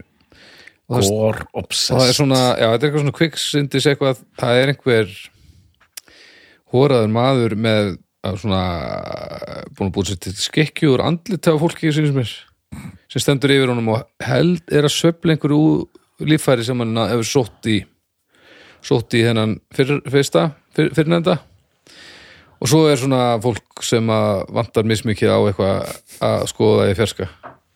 Stendur hérna í kviksindinu og er eitthvað svona, fylgjast með. Þetta er bara söpulegt eins og alltaf en þetta er svona sandgrunnur og pínu træbal eitthvað. Þetta er já, og, greinlega, já, og buxurnar og skikkjan er greinlega, já, að vera að vinna svolítið úr vinna fött úr húðum. Já. Þetta er Golopsast og hvað er næst? The Wretched Spawn 2004 Já, já, það er mögulega ógæðslegasta plötu umslæðið já frá það er nú, það er, Redst spór það er allt farið úr böndunum á þeirri mynd myndi ég segja. já, uh, og það er líka bara helviti öllu plata, finnst mér. Mm. uh, já, þetta er alveg þetta er alveg Já, þetta er hvar erum við? Þetta er svona alien vísanir finnst mann einhvern Já, já, þarna, já, þarna er sem sagt, kona að fæða skrýmsli og það er að eitt skrýmsli að koma út úr uh, maganum og eitt út úr píkunni og eitt út úr munninum og það er einhver svona ég ætla ekki að kalla hann lækni en hann, hann er sagt eh, er sérlega með það starfsheiti innan hópsins ég ætla ekki sko. Svo er aðstofalæknir fyrir aftan hann og hann er alveg axlaus, maður sér það strax. Það er þarna einhver kútur heldur sem- að þetta hafi verið tilkynnt til lækna samtakana ég held að það hafi ekki verið gert nei. Og svo er einhver djöfusi strjóli í bakveðana með svarta vangi og fjæðrir og uh, ógeðslegt bros og eru bara svona einhvern veginn eins og einhvert svona, já svona allur svona lafandi og, og fjól, svona ljós fjólublár og hörmulega tendur og þetta er allt í voða. Eitthvað að fylgjast með, með perrasup. Þetta er, já, þetta er ógæslegt Við munum ekki bara spyrja hópin hver er besta Cannibal Corpse platan, við munum líka spyrja um flottast, flottast umslæði sko. en, já, bjartur punktur það er ekki hvítur dúkur undir henni, heldur er Nei. hún á svona svona, bara svona surgical, back- eða einhverju borðið eða eitthvað sko. Það er stóll fyrir aftan hann sem þurftir reyndar að jafnvel svona gummilag eða? Nei, það ég heldur sem bara á plötunni eh, og svo er stóll fyrir aftan hana með áklæði sín sem er sem ég myndi fjarlæga uh, núna ef ég væri hérna helvitis fug, fugla kallinn en já, annars er þetta bara gott stuð sko. Já, þetta veist- er algjör stókið já, það er alveg rétt. Mér finnst þessi plata svolítið öflug sko. og, hérna, og einmitt bloodthirst ja, snildalega hún er svo kemur hann eitthvað eitthvað blöytt brump á milli og svo kemur þessi. Mm Mér finnst þessi, mér finnst hún ekki af góðu bloodthirst en margt mjög skemmtilegt þarna. Ok, uh, svo kemur Kill. svo kemur Kill. Já, já, það er 2006 emitt og Kill Hún vakti aðtegli já, hún var dættegli og hún skorar hátt ok, hjá fólki. Ok, og hún svona að því að varst ekki að tala um það ykkur að það eru talað með þessum ykkur endur komið plötu? Já, var ég svona man bara að það var bara svolítið svona pús svona markaspús á bakveðana já, var það bara það? Mér minni það sko. Já, mig myndi nefnilega sko, ég man eftir þegar hún kom út, mér fannst rosa margir vera að tala um bara að þeir eru komnir aftur, já, já. sem mér fannst alltaf svolítið skrítið út þegar mér finnst platan á undan bara ljómandi fín. já, ég menn og það er bara hvað, tvö ára á milli? Já, umslæðið er glæsilegt. En kannski, er um, umslæði það, það er hóvart. Já, það er hóvert það, það er bara það er svona eðlilegt að bara, þetta er bara logoðu fyrir ofan og svo stendur bara kill. Já, já, og þetta er skítmix út af því að hann skilaði artworki sem var bara reynlega bara astnalegt, það er inn í plöðunni. nú var þetta skít, skítamix. Já, og eða veist, þeir orða þetta mjög pent, bara, hérna, já, við vorum ekki alveg að tengja kannski við að við ákvaðum að hafa það inn í, já ok, En það er bara ljótt, þetta er bara mér, eins og, mér finnst þetta svo skemmtilegt uppbrót sko. á, mista líka. En sko, ég eiginlega get ekki fært rauk fyrir því, en það er eitthvað við hana sem er svona afgengilegra kannski. já, Kannski er ég bara að ímynda mér það. er það þessi? Já, upprunalega uh. er það þessi vandræðunglingur hérna já, þetta er bara, þetta gengur í Kjánalegt, sko. já, þetta gengur í og hárétt ákveðin að já, að beila á þessum drulla beila á þessu sko. já, hann er með bara, þetta er bara einhver sem heldur einhver hníf sem er bara, eða harðfiskflækki eða eitthvað En mér finnst hún á einhvern hátt aðgengilegri en, en margar af þeirra fyrir plötum sko, en, en ég veit ekki hvort að það er rétt sko. Það er eitthvað svona ég, ég kann ekki að skýra það hvers vegna hún skora svona hátt. Mér finnst hún góð, en mér finnst hún ekki. Ég heyri engan ég heyri ekki að þetta sé eitthvað svona eitthvað brjálað return to form sko. Nei. Það er bara mjög eðlilegur já, þetta er bara mm, þannig séð more of the same og bara well executed Já. Uh, hún er hvað, 2006? 2006, já. Já. 2008, það er, er Það, er það 2009? Já. Evisceration Plague. Já, Evisceration plague, já Evisceration, hvað þýðir evisceration? ég veit það ekki. Er, bara, þetta er mjög, sko, þetta er bara eins og hérna eitthvað úr einhverju, einhverju sagfræði miðaldum, Evisceration plague Já. Mér minnir mér að segja að umslæði sé rólegt líka, sko já, það er bara einhver hittingur sko Já, Þessi plata fór eiginlega bara alveg fram hjá mér á síðan tíma. Ég, ég kannaðist bara valla við neitt þarna. Evis- Evisceration plague lægið er mjög bara svona rólegt og hérna þarna er, ég man ekki hvort það voru þessari plötu eða einhverju, það kom hann að lög þar sem sko korpsgrændir syngur nánast klín sko. Já, bara það er svona kortir í það sko. Ég ætla ekkert að lýsa þessu hérna, Nei. cover eitthvað sérstaklega en þetta er, þetta er nákvæmlega eins og þegar einhver hérna dró frá eða kveikti ljósin uppi á gömlu ölluðinni Já. Já, ég, ég hérna minnst það skemmtileg plata en, en hún leið svolítið fyrir það að, að þetta, var, þetta var eiginlega eina plata sem ég þekkti bara ekki neitt sko. Ég bara, ég veit ekki hvað ég var að gera 2009 sko. en greinilega eitthvað annað en að hlusta á Cannibal Corpse. Þannig að svona ég náði bara að skima hana álíka vel og þessa sem að kom út í dag skulum við segja. Evis- Evisceration is disembowelment the removal of viscera internal organs, especially those in abdominal cavity Mega þannig að sens þetta er allt í þemanu já, Já, já, já. já, það þarf að Já. fjarlæga þetta sitt mm.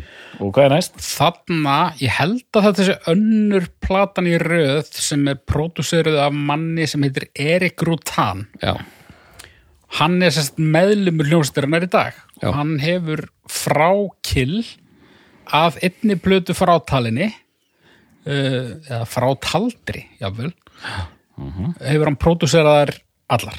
Já, Já, og hérna svo var þess að Pat O'Brien gítarleikari, hann lendi í smá um, hann lendi í smá svona óþægilegu málið þarna 2018 Nú, og uh, koma því bara í réttri röð.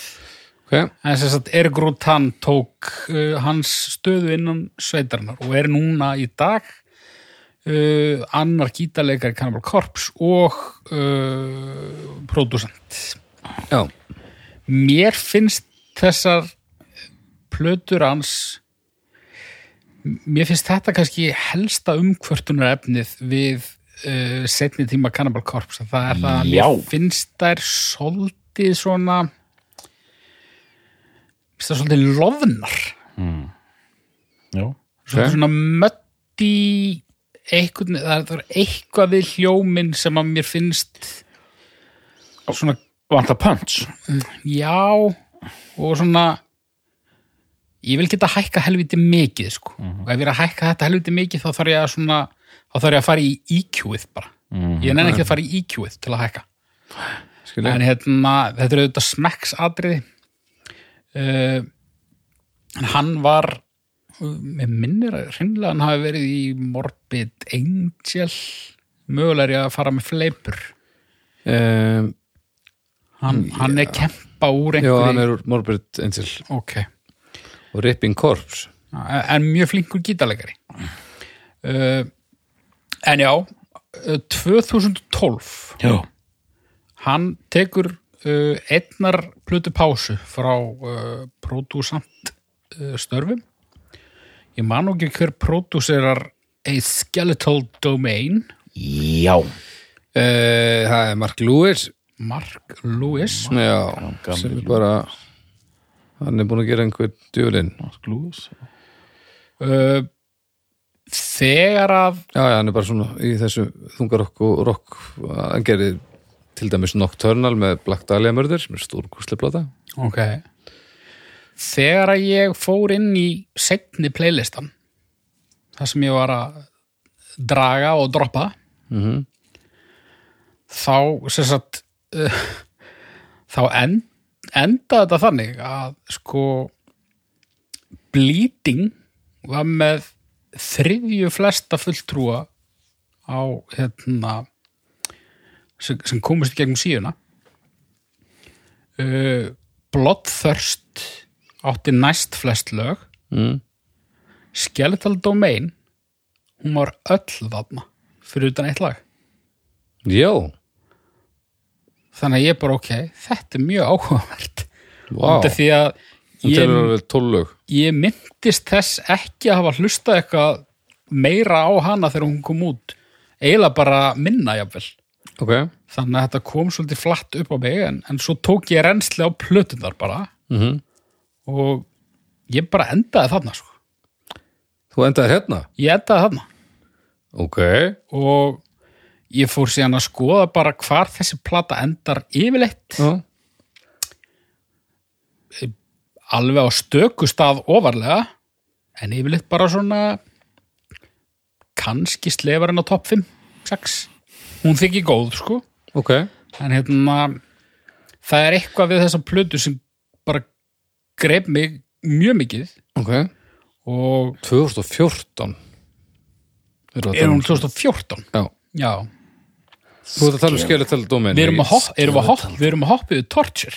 Já, já, Já. já, við erum bara að hoppa yfir torture. Já, já, Byrju, byrju, hver á 2012? torture, tortur Hver á 2010? 2009 Evisceration Plague. Já, ok, 2009 Evisceration Plague. Já. 2012 er Torture. Þarna kom Grettan mér í ógöngur já, já. Já, torture er bara rosa fín já, já, já. en hún er ekki besta platan hvernig fannst þið torture? ha, hvernig fannst þið torture? Ég bara man ekkert mannst ekkit skeletal domain Skeletal þú Domain. þar, já Já. Þið torture menn og konur hann úti, þið verði bara að uh, senda mér hatturspost. já, Hún er samt rosa fín, sko. Hvað er það við Skeletal Domain? Það er bara, sko, fyrir það fyrsta eru fyrstu þrjú lögin á þessar plötu, þau eru náttúrulega bara ekki, Out of this world þetta er ekki hægt, sko. Þetta, þetta, þetta, þetta er- besta þryggjala knipi Cannibal Corpse Já. frá upphafi að mínum mati, þetta er alltaf mínum mati uh, Þetta er ekki að mati bróðins. Nei, Nei. hann er meira að pæla í öðrum hlutum Já. en hérna mér finnst þú bara svo skemmtileg. Hún er svo, hún, hún er svo það, það er svo mikið svona líf í töskunum. Ég skil. Það er hérna sem verður næsta plata hérna, Líf í tuskonum já, já, mútu klálega þetta ekkert líf í já, Ekkert líf í blóðugum tuskonum þetta er sko eins og ég sagði meira þess að þessar plötur sem hann er finnst bestar, það er búið lítið annað en það að segja sko, bara, bara geðveik lög, hún, sándar brjálaðislega vel. Uh, Það er bara moment. hún er rosalega fjölbreytt og hún er á köplum bara heldur aðgengileg. Uh, þú veist fyrsta lagið uh, uh, High Velocity Impact Spatter það er var er gott. Uh, Sadistic Embodiment larum tvö, Já. það er besta lag sem ég hef heyrt frá Garbar Korps og, og jú, ég myndi eftir þessum tveimur lögum. Ok. ég, ég, hérna, já, ok, ok. þau rifiðust upp, bara já, alveg rétt. En ég myndi ekki eftir þeim sem einum af bestu Cannibal Corpse lögunum. Það er Og en eru mikla líku núna að fólk bara ert ekki að grínast í mér? Þetta er ekkert besta Cannibal Corpse platan. Ertu rugglaður? Ég veit það ekki, ég, ég, þú veist alveg eins, þú veist, ég hugsa old school fólki verður bara, hvað er málum en að gæja sko? en, en þú veist, en þetta er samt þannig ferill að það er engin plata svo getur nefnt þar sem fólk verður bara, þú veist, það er engin sent angar þarna.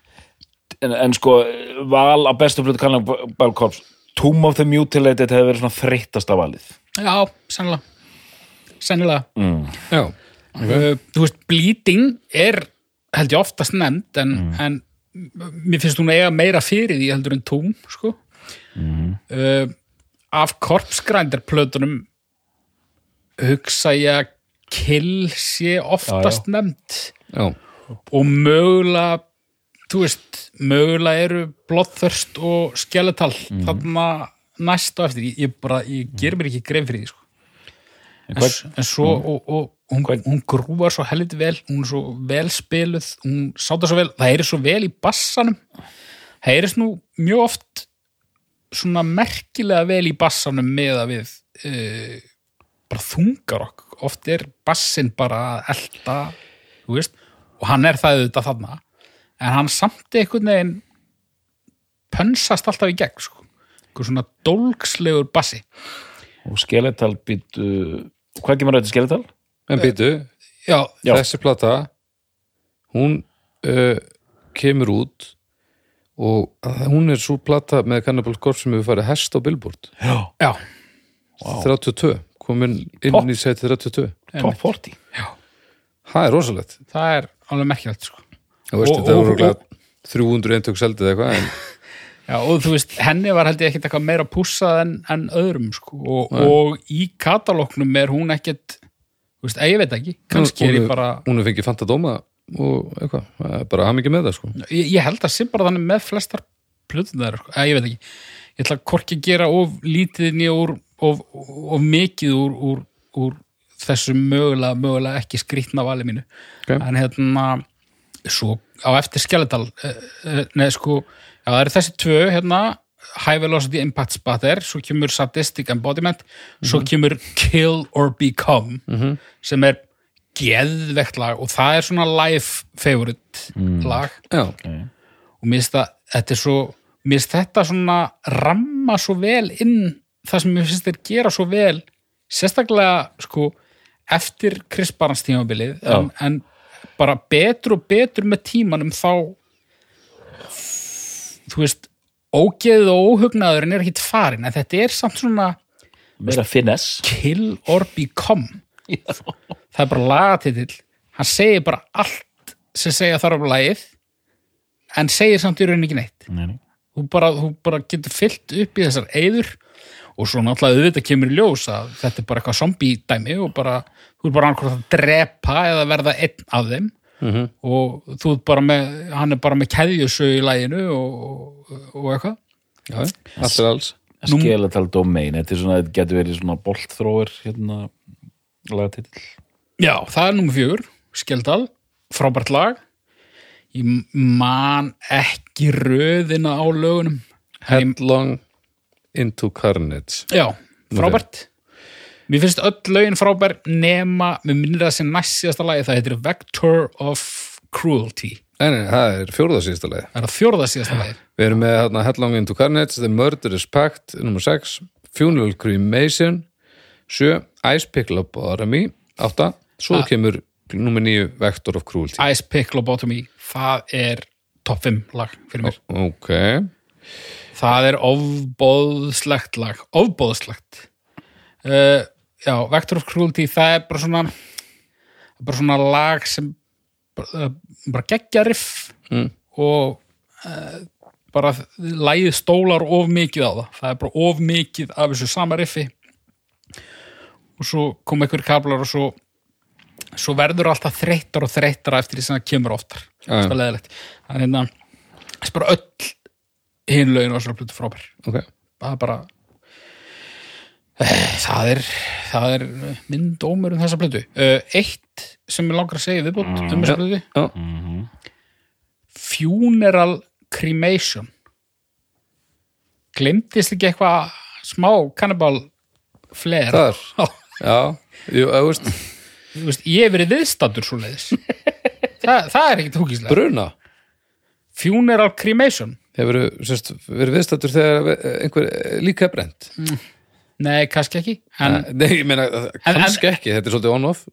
En, en ég hef ég hef, ég hef fyllt líkistu inn í þetta rými. Og ég hef, verið stattur Já. einn inn í svona rými einn í húsinu inn í svona rými. Hvað, og, og, og, af hverju? uh, ég, Brustu glugga til að komast þetta inn og nei, ég var að taka på stundin en, hérna, þetta er þetta, já, mér finnst þetta svolítið svona bara eins og hérna, já þetta, þetta er svolítið létt. Erfidrykk þetta, þetta, er, þetta, er, þetta er á þeirra skala sérstaklega helviti létt sko. Þetta, þetta er svo lag á einhverju bara svona 90s hérna Paradise Lost titill. Já, þetta getur verið bara þetta, er potið lag með Band of Horses. Já, eða. Bara aðeins sko, ef þeir eru að hlusta sko, með kannski aðeins svona ég er ekki að byggja um aftur hérna entrails titlana sko en Nei, já, nei, nei, nei. kannski, þú veist, En ég meina að mætti alveg hendin af hausinu eða eitthvað. Já, ég meina já, já, Funeral Cremation Orgy já, já, til dæmis, já, já, já. þá ertu strax þá er það komið. Uh, Já, já. En, en, já, nú þurfum við að fara að koma okkur í stóra samhengi ég held að Hvað er hérna næst? uh, Það er næst, Red Before Black, kemur Red Before- 2017 já, hún er bara fín. Bara, síðustu þrjá plötur bara allar helviti fínar. Síðustu- Red Before Black. Já, svo er Violence Unimagined Unimagined. með uh, svona brosmildri stúlku framan á. Mhm. uh, og svo er það uh, Chaos Horrific sem að Chaos Horrific. þið eru búin að lusta á. Já. Hvað segir mér um hana? Hún rúllaði bara frábærlega Já. og hérna hérna og bara gaman að heyra. Ég, ég, ég var rosa gladur að fá hana í hendurnar áður en við myndum fara í upptöku og hérna þú veist, bara byrjar á okkur, okkur brjáluðu lægi og síðan er bara trukkaði gegn einhvern veginn. Ég, já. bara allt gott. Allt gott. ég var búin að hlusta svolítið mikið á þessi tvö lög sem var búið að út sko mm. með að sérstaklega þetta setna lag alveg geggjað. Já, það var hann að Summoned for Sacrifice. Já. Summoned for Sacrifice. Og þar erum við í grúfinu til dæmis. Já, mm -hmm. uh, en svo er þetta bara þannig að þú hefur þú veist, sólaring til að hlusta á plötu en á sama tíma þarf þetta að skeina og snýta og Já. vinna og fara í bónus. Já, og þú ert samt bara einn heima já, og þú ert bara, þú ert sem sagt, bara í, full- í karnal business, skilur, þú ert að hlusta á karnal músík já, og ert með drulluna þarna og stótið bara út um allt líka sko. já, þetta er gott, þetta er mjög gott. En sko, það var allavega gott að ná inn þannig að þú veist, ef þetta hefði verið bara fyrsti, bara fyrsta niðurlægingarplata Cannibal Corpse, þá hefðu við þú veist, við hefðum Spottað. það. Já, algjörlega, engar áhyggjur. Mér skilst hún sér tekin upp á sama tíma og Violence uh, Unimagined já, uh, svo plata var tekin upp í COVID.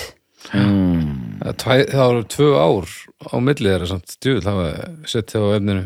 Já, en það er náttúrulega bara uh, gáfulegt út því að það er náttúrulega það er búið að setja tónleikaferðir í í og gleði og svona.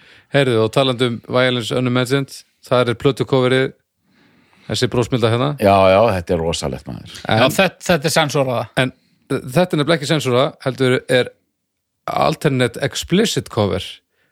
Það er sagt að grófara cover. Við farin að, að byrja bara á, á rólega coverinu. Já, og svo er hægt að fá, fá hérna uh, tjóna coverið. Já, þar sem þessi sama brósmilda stelpa er að borða barn.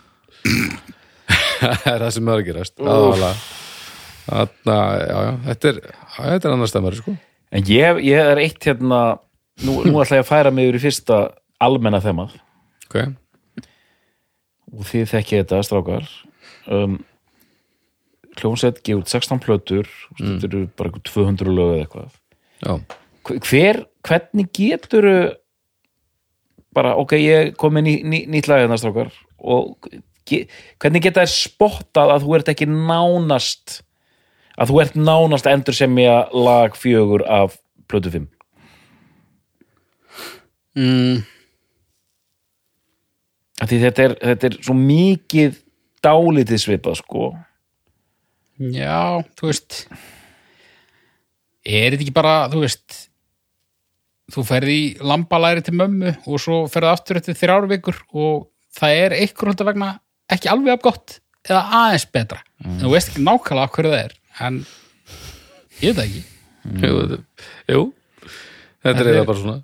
Ég meina e- eitt sem var kannski skiljanlegt fyrir það sem er hlusta bara ACDC já. já, já, mér finnst í rauninni þó að ég sé ekki sammála þeim sem segja að ACDC hafi alltaf verið eins.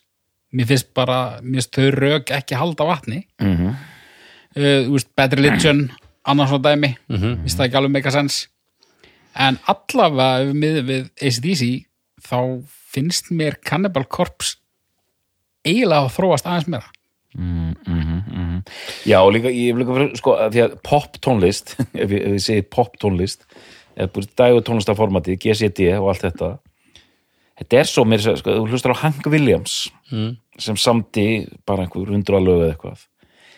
Þau eru þannig séð na, mjög svipuð, sko. Mm.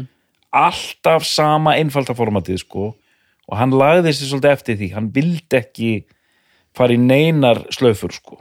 Nei, hann, sum lögin hans eru bara nánast samanlægið eftir sko. Já. en bara, mér mér finnst þetta merkilegt sko. Bara ég er, að- ég er að hugsa upp á þetta sko. En Já, svo er þetta líka uh, því meira sem þú veist, þetta bara, því meira sem maður hlustar á þetta því minna eins verða lögin. Já. ég menna maður verður bara marinir í þessum hlutum til þess að byrja að skilja það og svo aðgarinnast er mjög mikið. Nákvæmlega. Bara alveg eins og afa mínum fannst bara öll tónlist sem var ekki harmoníku tónlist hljóma eins og Rolling Stones. Já, hann bara, ég var bara að hlusta á Metallica eða eitthvað, hann bara, hvað hva helvitis, ég, ég, ég músík er þetta, já. þú veist. Hann, algjörlega. Og, og, og það er bara kannibal korps er samt að jáðar dæmi um það sem mun hljóma alveg eins já, og fólki já, já og, sem, að, sem að er ekki minn sinni inn í þetta. Að og það, það, það var ekkit það var engin tilvílun að ég ákvaða að prófa þessa nei, mögulega vafasömmu aðferð uh, með þessa hljómsveit en ekki eitthvað aðra. Það var bara það að þú veist, eirun í þér og þér, þetta steikist bara. Já, og ég þurfti bara smá svona ég þurfti smá hjálpardekk já, þú veist, áður en ég fór að taka plötunar fyrir en hver er Cannibal Corpse aðdándin? hvaða maður er þetta? eða kona? hann drekkur svolítið bjór hann er ekki svolítið hass Já. hann er svona, svona smá yfirþyngt hann samt ekki, þú veist, eitthvað hann er ekkit engin, ekkit spik ferlíki Nei, nei, hon- honum finnst honum honum finnst síðustu plöðuna með Death aðeins og flóknar. Mögulega, já. Og þú veist en þú ert að lýsa þarna uh, early days aðdándarum Já, kannski meira svona bandaríska aðdáðandan. Já, en síðan korskrendir nýja bylgjan, það er það er öðruvísi aðdándarum aðeins eðlilegri maður. Ég veit það samt ekki, sko. Nú, þetta, er ro, þetta er rosa bandarist döður. Já, já, ok, Við erum ekki búin að minnast á það. nei þetta þetta er er- mikið US Já, þetta er svona, ég ímynda við bara einhverjum stónd gaurar sem eru bara góðir gaurar inni við beinið en þú veist, þeir eru kannski ekkit þeir eru ekkit að fara að vinna fyrir ykkur á vóðunarsjóðin eða staðar. Og þú veist, af þeim á jeppa og þeir fara með byssuna sínar eitthvað upp í sveit og sk- skjóta á Já, já. dósir og En þú veist minni auðlar en Dayside til dæmis. Já, Þú veist ég, eh, ég, Já, ef við eða- erum að og- tala um gaurana í hljómsveitinni, klálega. já, og ég, men, bit- ég meina það sko. Obituary er með svona mikið Ég er ekki að tala um þeir- ég, er að tala um Já, aðdáðan þeir skjóta allt. Já, já, já, já. já, já. Nei, nei, En vinalegir samt sko veist, e- skjóta, fara og skjóta saman á, nei ég, var á, alls ekki, ég var alls ekki að tala um bandið sko. Nei, nei. og Obituary líka með svona redneck hérna braga á sér sko Já. En nei, nei, sko, hljómsveitin sjálf, þú veist, eins og ég sagði aðan, uh, trommur og bassi, bara venjulegustu menn í heiminum og virðast bara mjög klárir og ærlegir og duglegir og, og auðmjúkir. Mm. Korsgrætir, hann er bara svona kjánabangsi, en bara mikill ljúflingur samkvæmt öllum. Mhm. Eh, þú veist, hann er svona World of Warcraft nötter Já, og, passar. Og þú veist, en þú varst með sögu að gítarleikar 2018 já, herri já. Hann er maður sko, já, hann var handtekinn fyrir eitthvað, við veit ekki nákvæmlega hvað var, það var eitthvað hann var eitthvað með byssu og barði eitthvað eða eitthvað og það fa að fara heim til hans og það fundust fannst mikið magn af uh, ólöflegum vopnum mm. hríðskota vopnum Mm. sprengjefni og nokkrar hauskúpur og hann var handtekinn og hann síndi mótþróa Mm. og endaði með að hann var teyseraður Mm.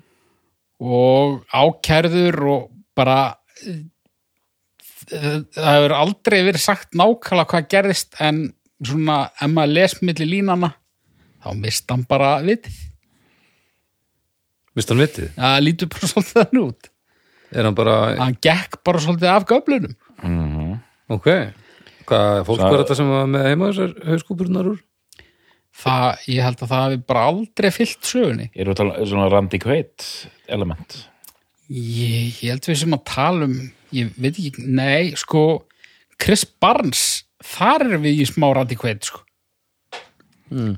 en hérna nei, það hefur ekki almennilega komið út hvað hvað kom fyrir Pat og Brian en, en sko viðbröðu hljómsveitarinnar á sínum tíma voru bara uh, hann er á hræðilegum stað og við stiðjum hann og, og mikill stuðningur og bara svo bara vonandi kemur hann aftur í bandið en svo bara á einhvern tíumpunkti þá bara hérna, kom Erik Rutan Mm. í hans stað ég hef ekkert heyrt meira það eru einhverjar kjaftasögur sko.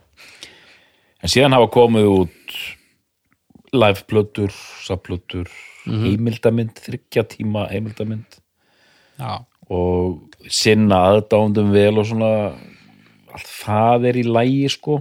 Já, komu hingað eins og þú sagði, 2006 Já, já. heldur tvenna tónleika NASA. mættu þið? Ég var út í Þýskalandi. Slappur. Maður ekki. Ég mætti á annað gegið þetta ég- var gaman sko. Já, ég og þú veist, For Forgarðurinn var að hitta upp. Já, ég myndi nú ekki neitt eftir neinu. Man ekki Hvort ég hefði hérna- mætt Það geti alveg verið sko. Mat, Matti var að tala um það að hann var að spila með Forgarðinum og bara er á fullu sko. Horfir svona til hægri þá eru allir kannibals bara á hliðalínunni bara, já, góðan gýr. já, já, bara það var bara talað óbúslega vel um þá bara fólki sem maður þekkir sem að var eitthvað í kringu það á þannig sko. Já, já. Bara kurteisir og ljúfir menn. Mm um, sem safna hauskúpum. Já Korpsgrændir, hann hérna reglulega rifjað upp á samfélagsmiðlum.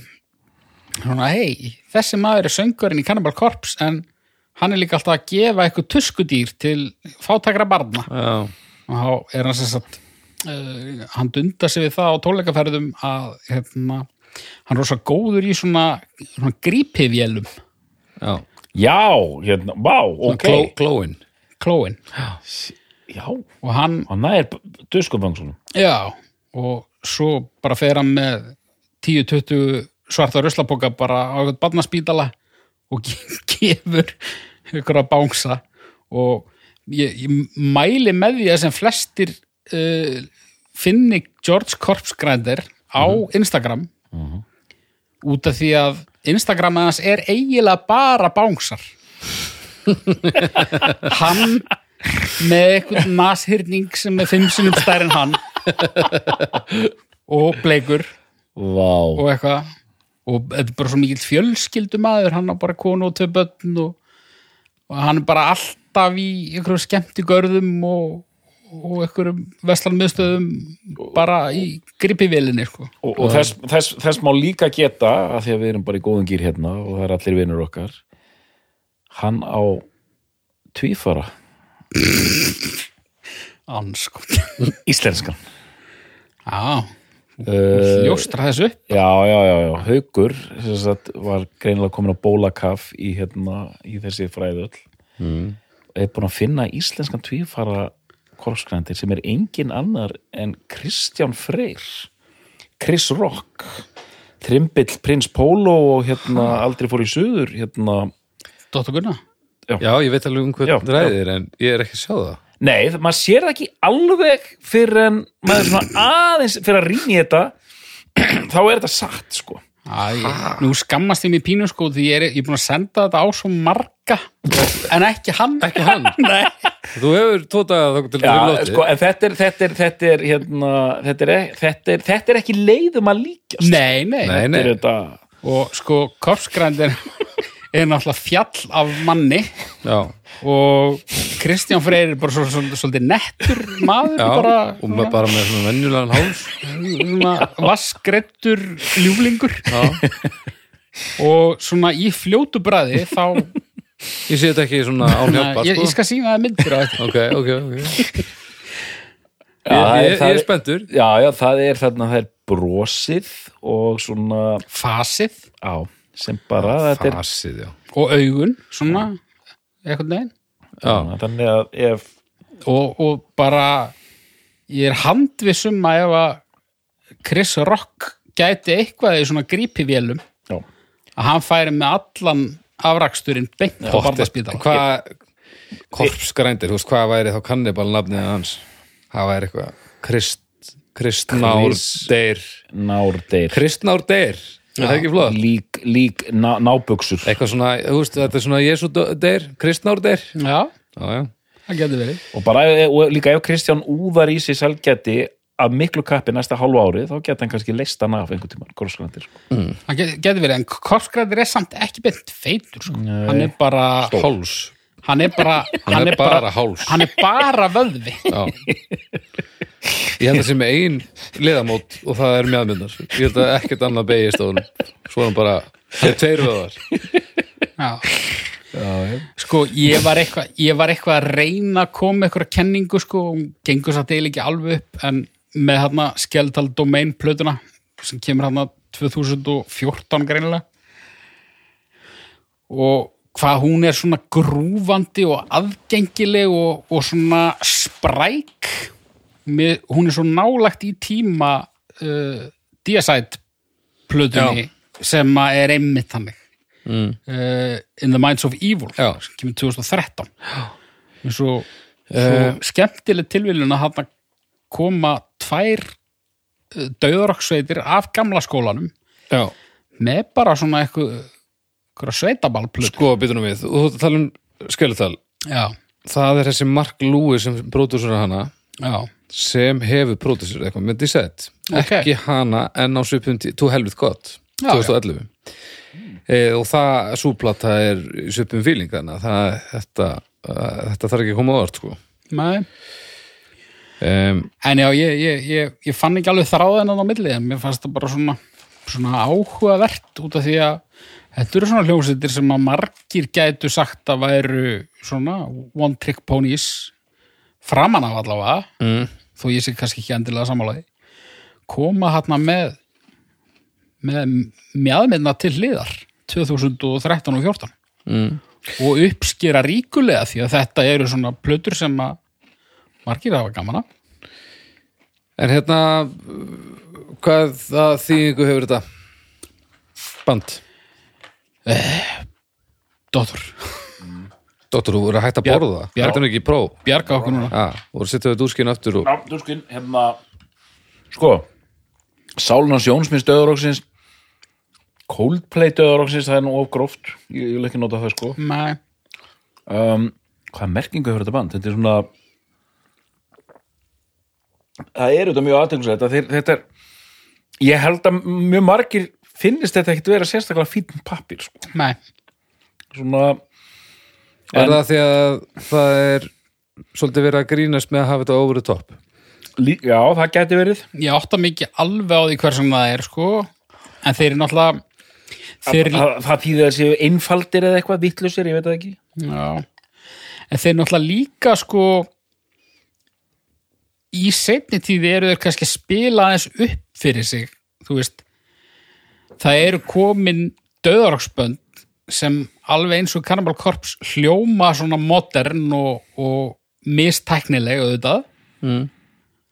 en það sem að við erum að tala um svo mikið, mikið betri hljóðfærleikara mm -hmm. þetta kemur band sem er bara svona svolítið gamli skólin bara leiðir þetta að vera alltaf að draga með talikaðin í allar umræður sko en bara, þú veist uh, gamalt band sem kannski er ekki alveg samkeppnishæft spilalega Nei. við sko böndu nútímans. Já, já, en það er samt eitthvað sko. Uh, og Cannibal Corpse er vel spilandi band. Það bara, þetta er svona þetta er bara svona aðeins annars konar nálgun einhvern veginn.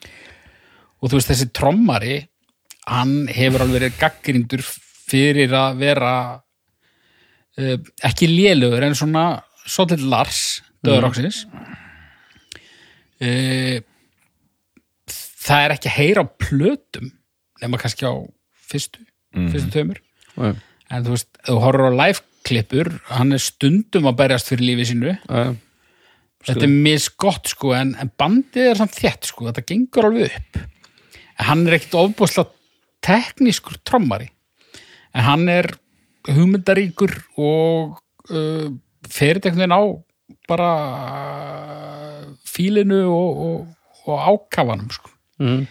og ég meina ég, ég var aldrei kaldur fyrir þáttinn sko en mýktist allur það ég, fór, að- ég fílaði þetta betur en ég átti vona á fyrsta sem ég sagði, nei kannibal ég hef ekki frekar að taka þú veist, ég koma bara með allar aðra hljómsveitir en kannibal, bara ég var nefn frekar til Já. í la la la la la og síðan hugsaði ég bara, já, jú, gerum þetta þetta, fólk hefur gaman að þessu veist, ég var, þú veist, ekki beint heitur sko, en síðan einhvern megin fannst mér þetta bara mjög spennandi og hérna Hvað rendaðir þú?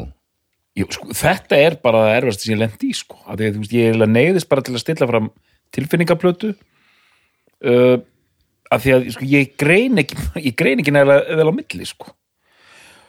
Bloodthirst var svona plata sem ég fannst að renna ógæslega vel Okay. ég, ég tjekka á skeletal en þú veist, ég, ég heyrði ekkert sérstaklega mun á skeletal og öðrum plötum sko. Rennur og gleip vel og, og ef maður lappar á þessu gólfi sem er framan á plötunni því öllum myndum maður að renna há svona, þú veist, já bara eina sem ég tók eftir að var eitthvað svona standátt var Bloodthirst sko Já, en ég ætla samt ekki þú eru ákveðið samt. Já, já, ég ætla koma, ég, ég segi bútsért af því að það bara svona, hún vakt upp í þessari röð, bara ég fekk svona góða minningar fannst þetta flott. Og hún var þetta ro, þú veist, rosalegt framfara að skrifa á sínum tíma. Og hún er þetta er bara stórkostlega plata og allt það, þó hún sé svona svolítið svona amatörisk svona eftir áhyggja sko en mér finnst bara að vera magic í henni sko. Þannig ég ætla að nefna hana en hérna en hún á bara, eða skiljið hún á bara ekki breyki hinnar út frá bara tækni og hljóðvinnslu og öllu þessu sko en ég, ég get alveg með góðri samvinsku stilt henni fram sem bestu blödu Cannibal Corpse sko Ok. Herri, stutt uppgjör. Mm. við erum búin að koma inn á mikið af þessu. mm -hmm. Þetta band er ekki brautriðendur, er það? Nei, Nei, Að engu leiti. Ekki í, ekki, ekki döðuróksbröðriðendur nei, en, en í, í umgjörðinni. kindilberar Kindilberar, en umgjörðin, þú veist þetta over the top, grotesk dæmi. Já, þeir fórum með þetta lengra en Lengra, flestir en- lengra flestir, sko. og halda sig algjörlega við þetta þú bara vissir, það er að koma nýplata með Cannibal Corpse og veistu sirkabát hvað er að fara að gerast Þú veistu, það er, já, það er sub. það er söp, þú veist alveg hvernig umslæði verður og þeir eru líka sko ólíkt döðroksböndum sem að mér sem mér finnst betri veist, ég er, Diasæt er eru mínir menn í, í þessu gamla skóla döðrokki þú ert með mikið jafnari feril hjá Já. kannibal það, það er svona ákveðið consistency Já. þannig að út í gegn sko. Algjörlega.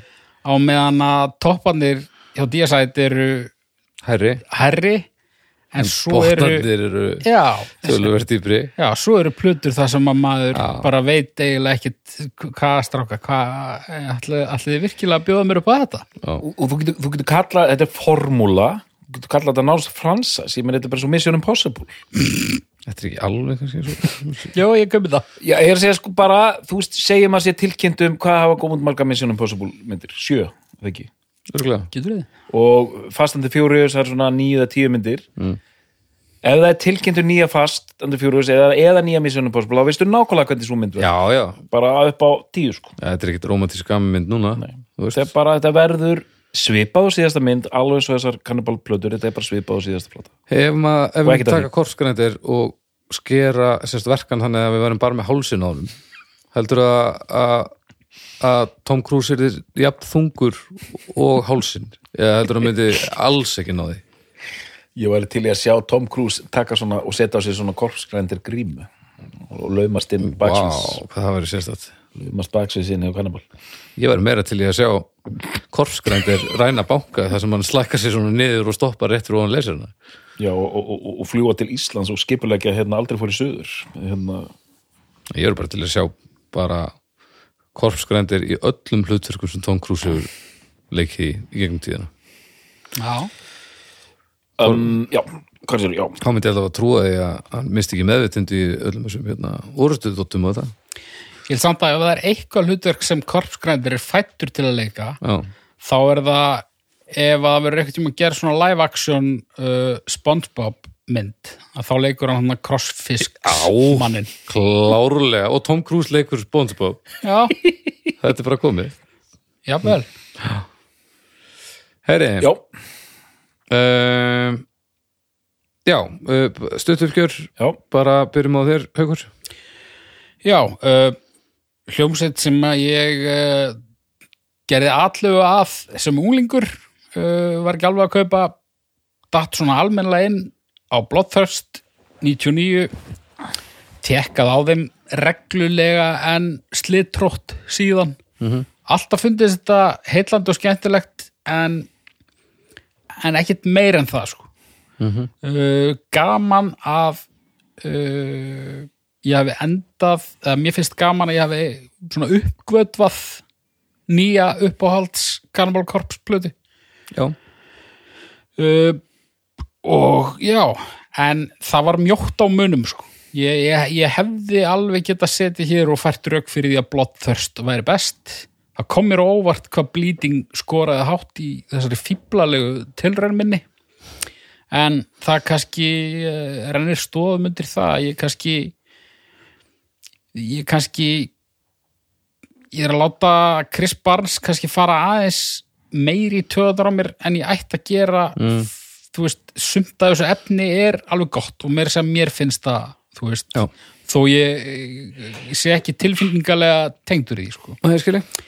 uh, en já, ég, ég endaði þarna út af því að mér, mér finnst svo gaman þegar hlutir eru fjölbreyttir og grúfandi og þeir get hækkað almennilega mm uh, í helvítis græjunum wow.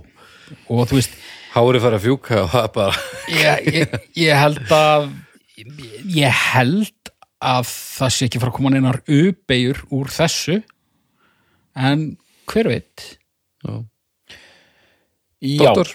já, uh, já uh, bara skemmtilegt uh, betra en ég átti von á. Ég var greinlega ætlaði að vera einhver snopp hæns og hérna þykja þetta ómerkilegt. Mm. en ég hafði mjög gaman að þessu ég hefði getað hlusta á þetta bara linnu lítið og ég hef mjög gaman af döðarokki og hérna þeir eru það sem þeir eru og bara og ekkert hægt að draga menn niður fyrir það á nokkund hátt, ég uppgötaði það bara ímislegt þetta bara að konsistensi getur bara verið mjög góða hlutur og þetta er allt fagmannlega gert og flott og bara gott. Og bara já, skemmtilegt. Mjög skemmtilegt að spá, spá og spekulera í þessu í þessu hljómsveit Þannig að, haukur Er þetta besta plata Cannibal Corpse? já, merkilegt nokk Doktor, er þetta besta plata Cannibal Corpse? Nei, Við þakkum fyrir í dag og við heyrumst að viku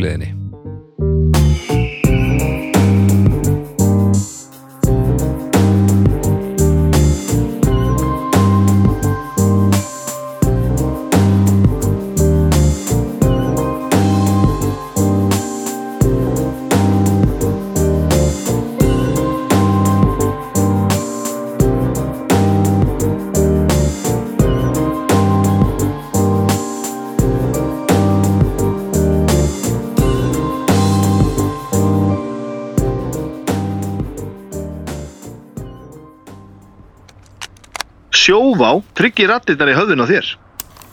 Sjóvá er sérlegur bakkjarl hljóðkirkjunar.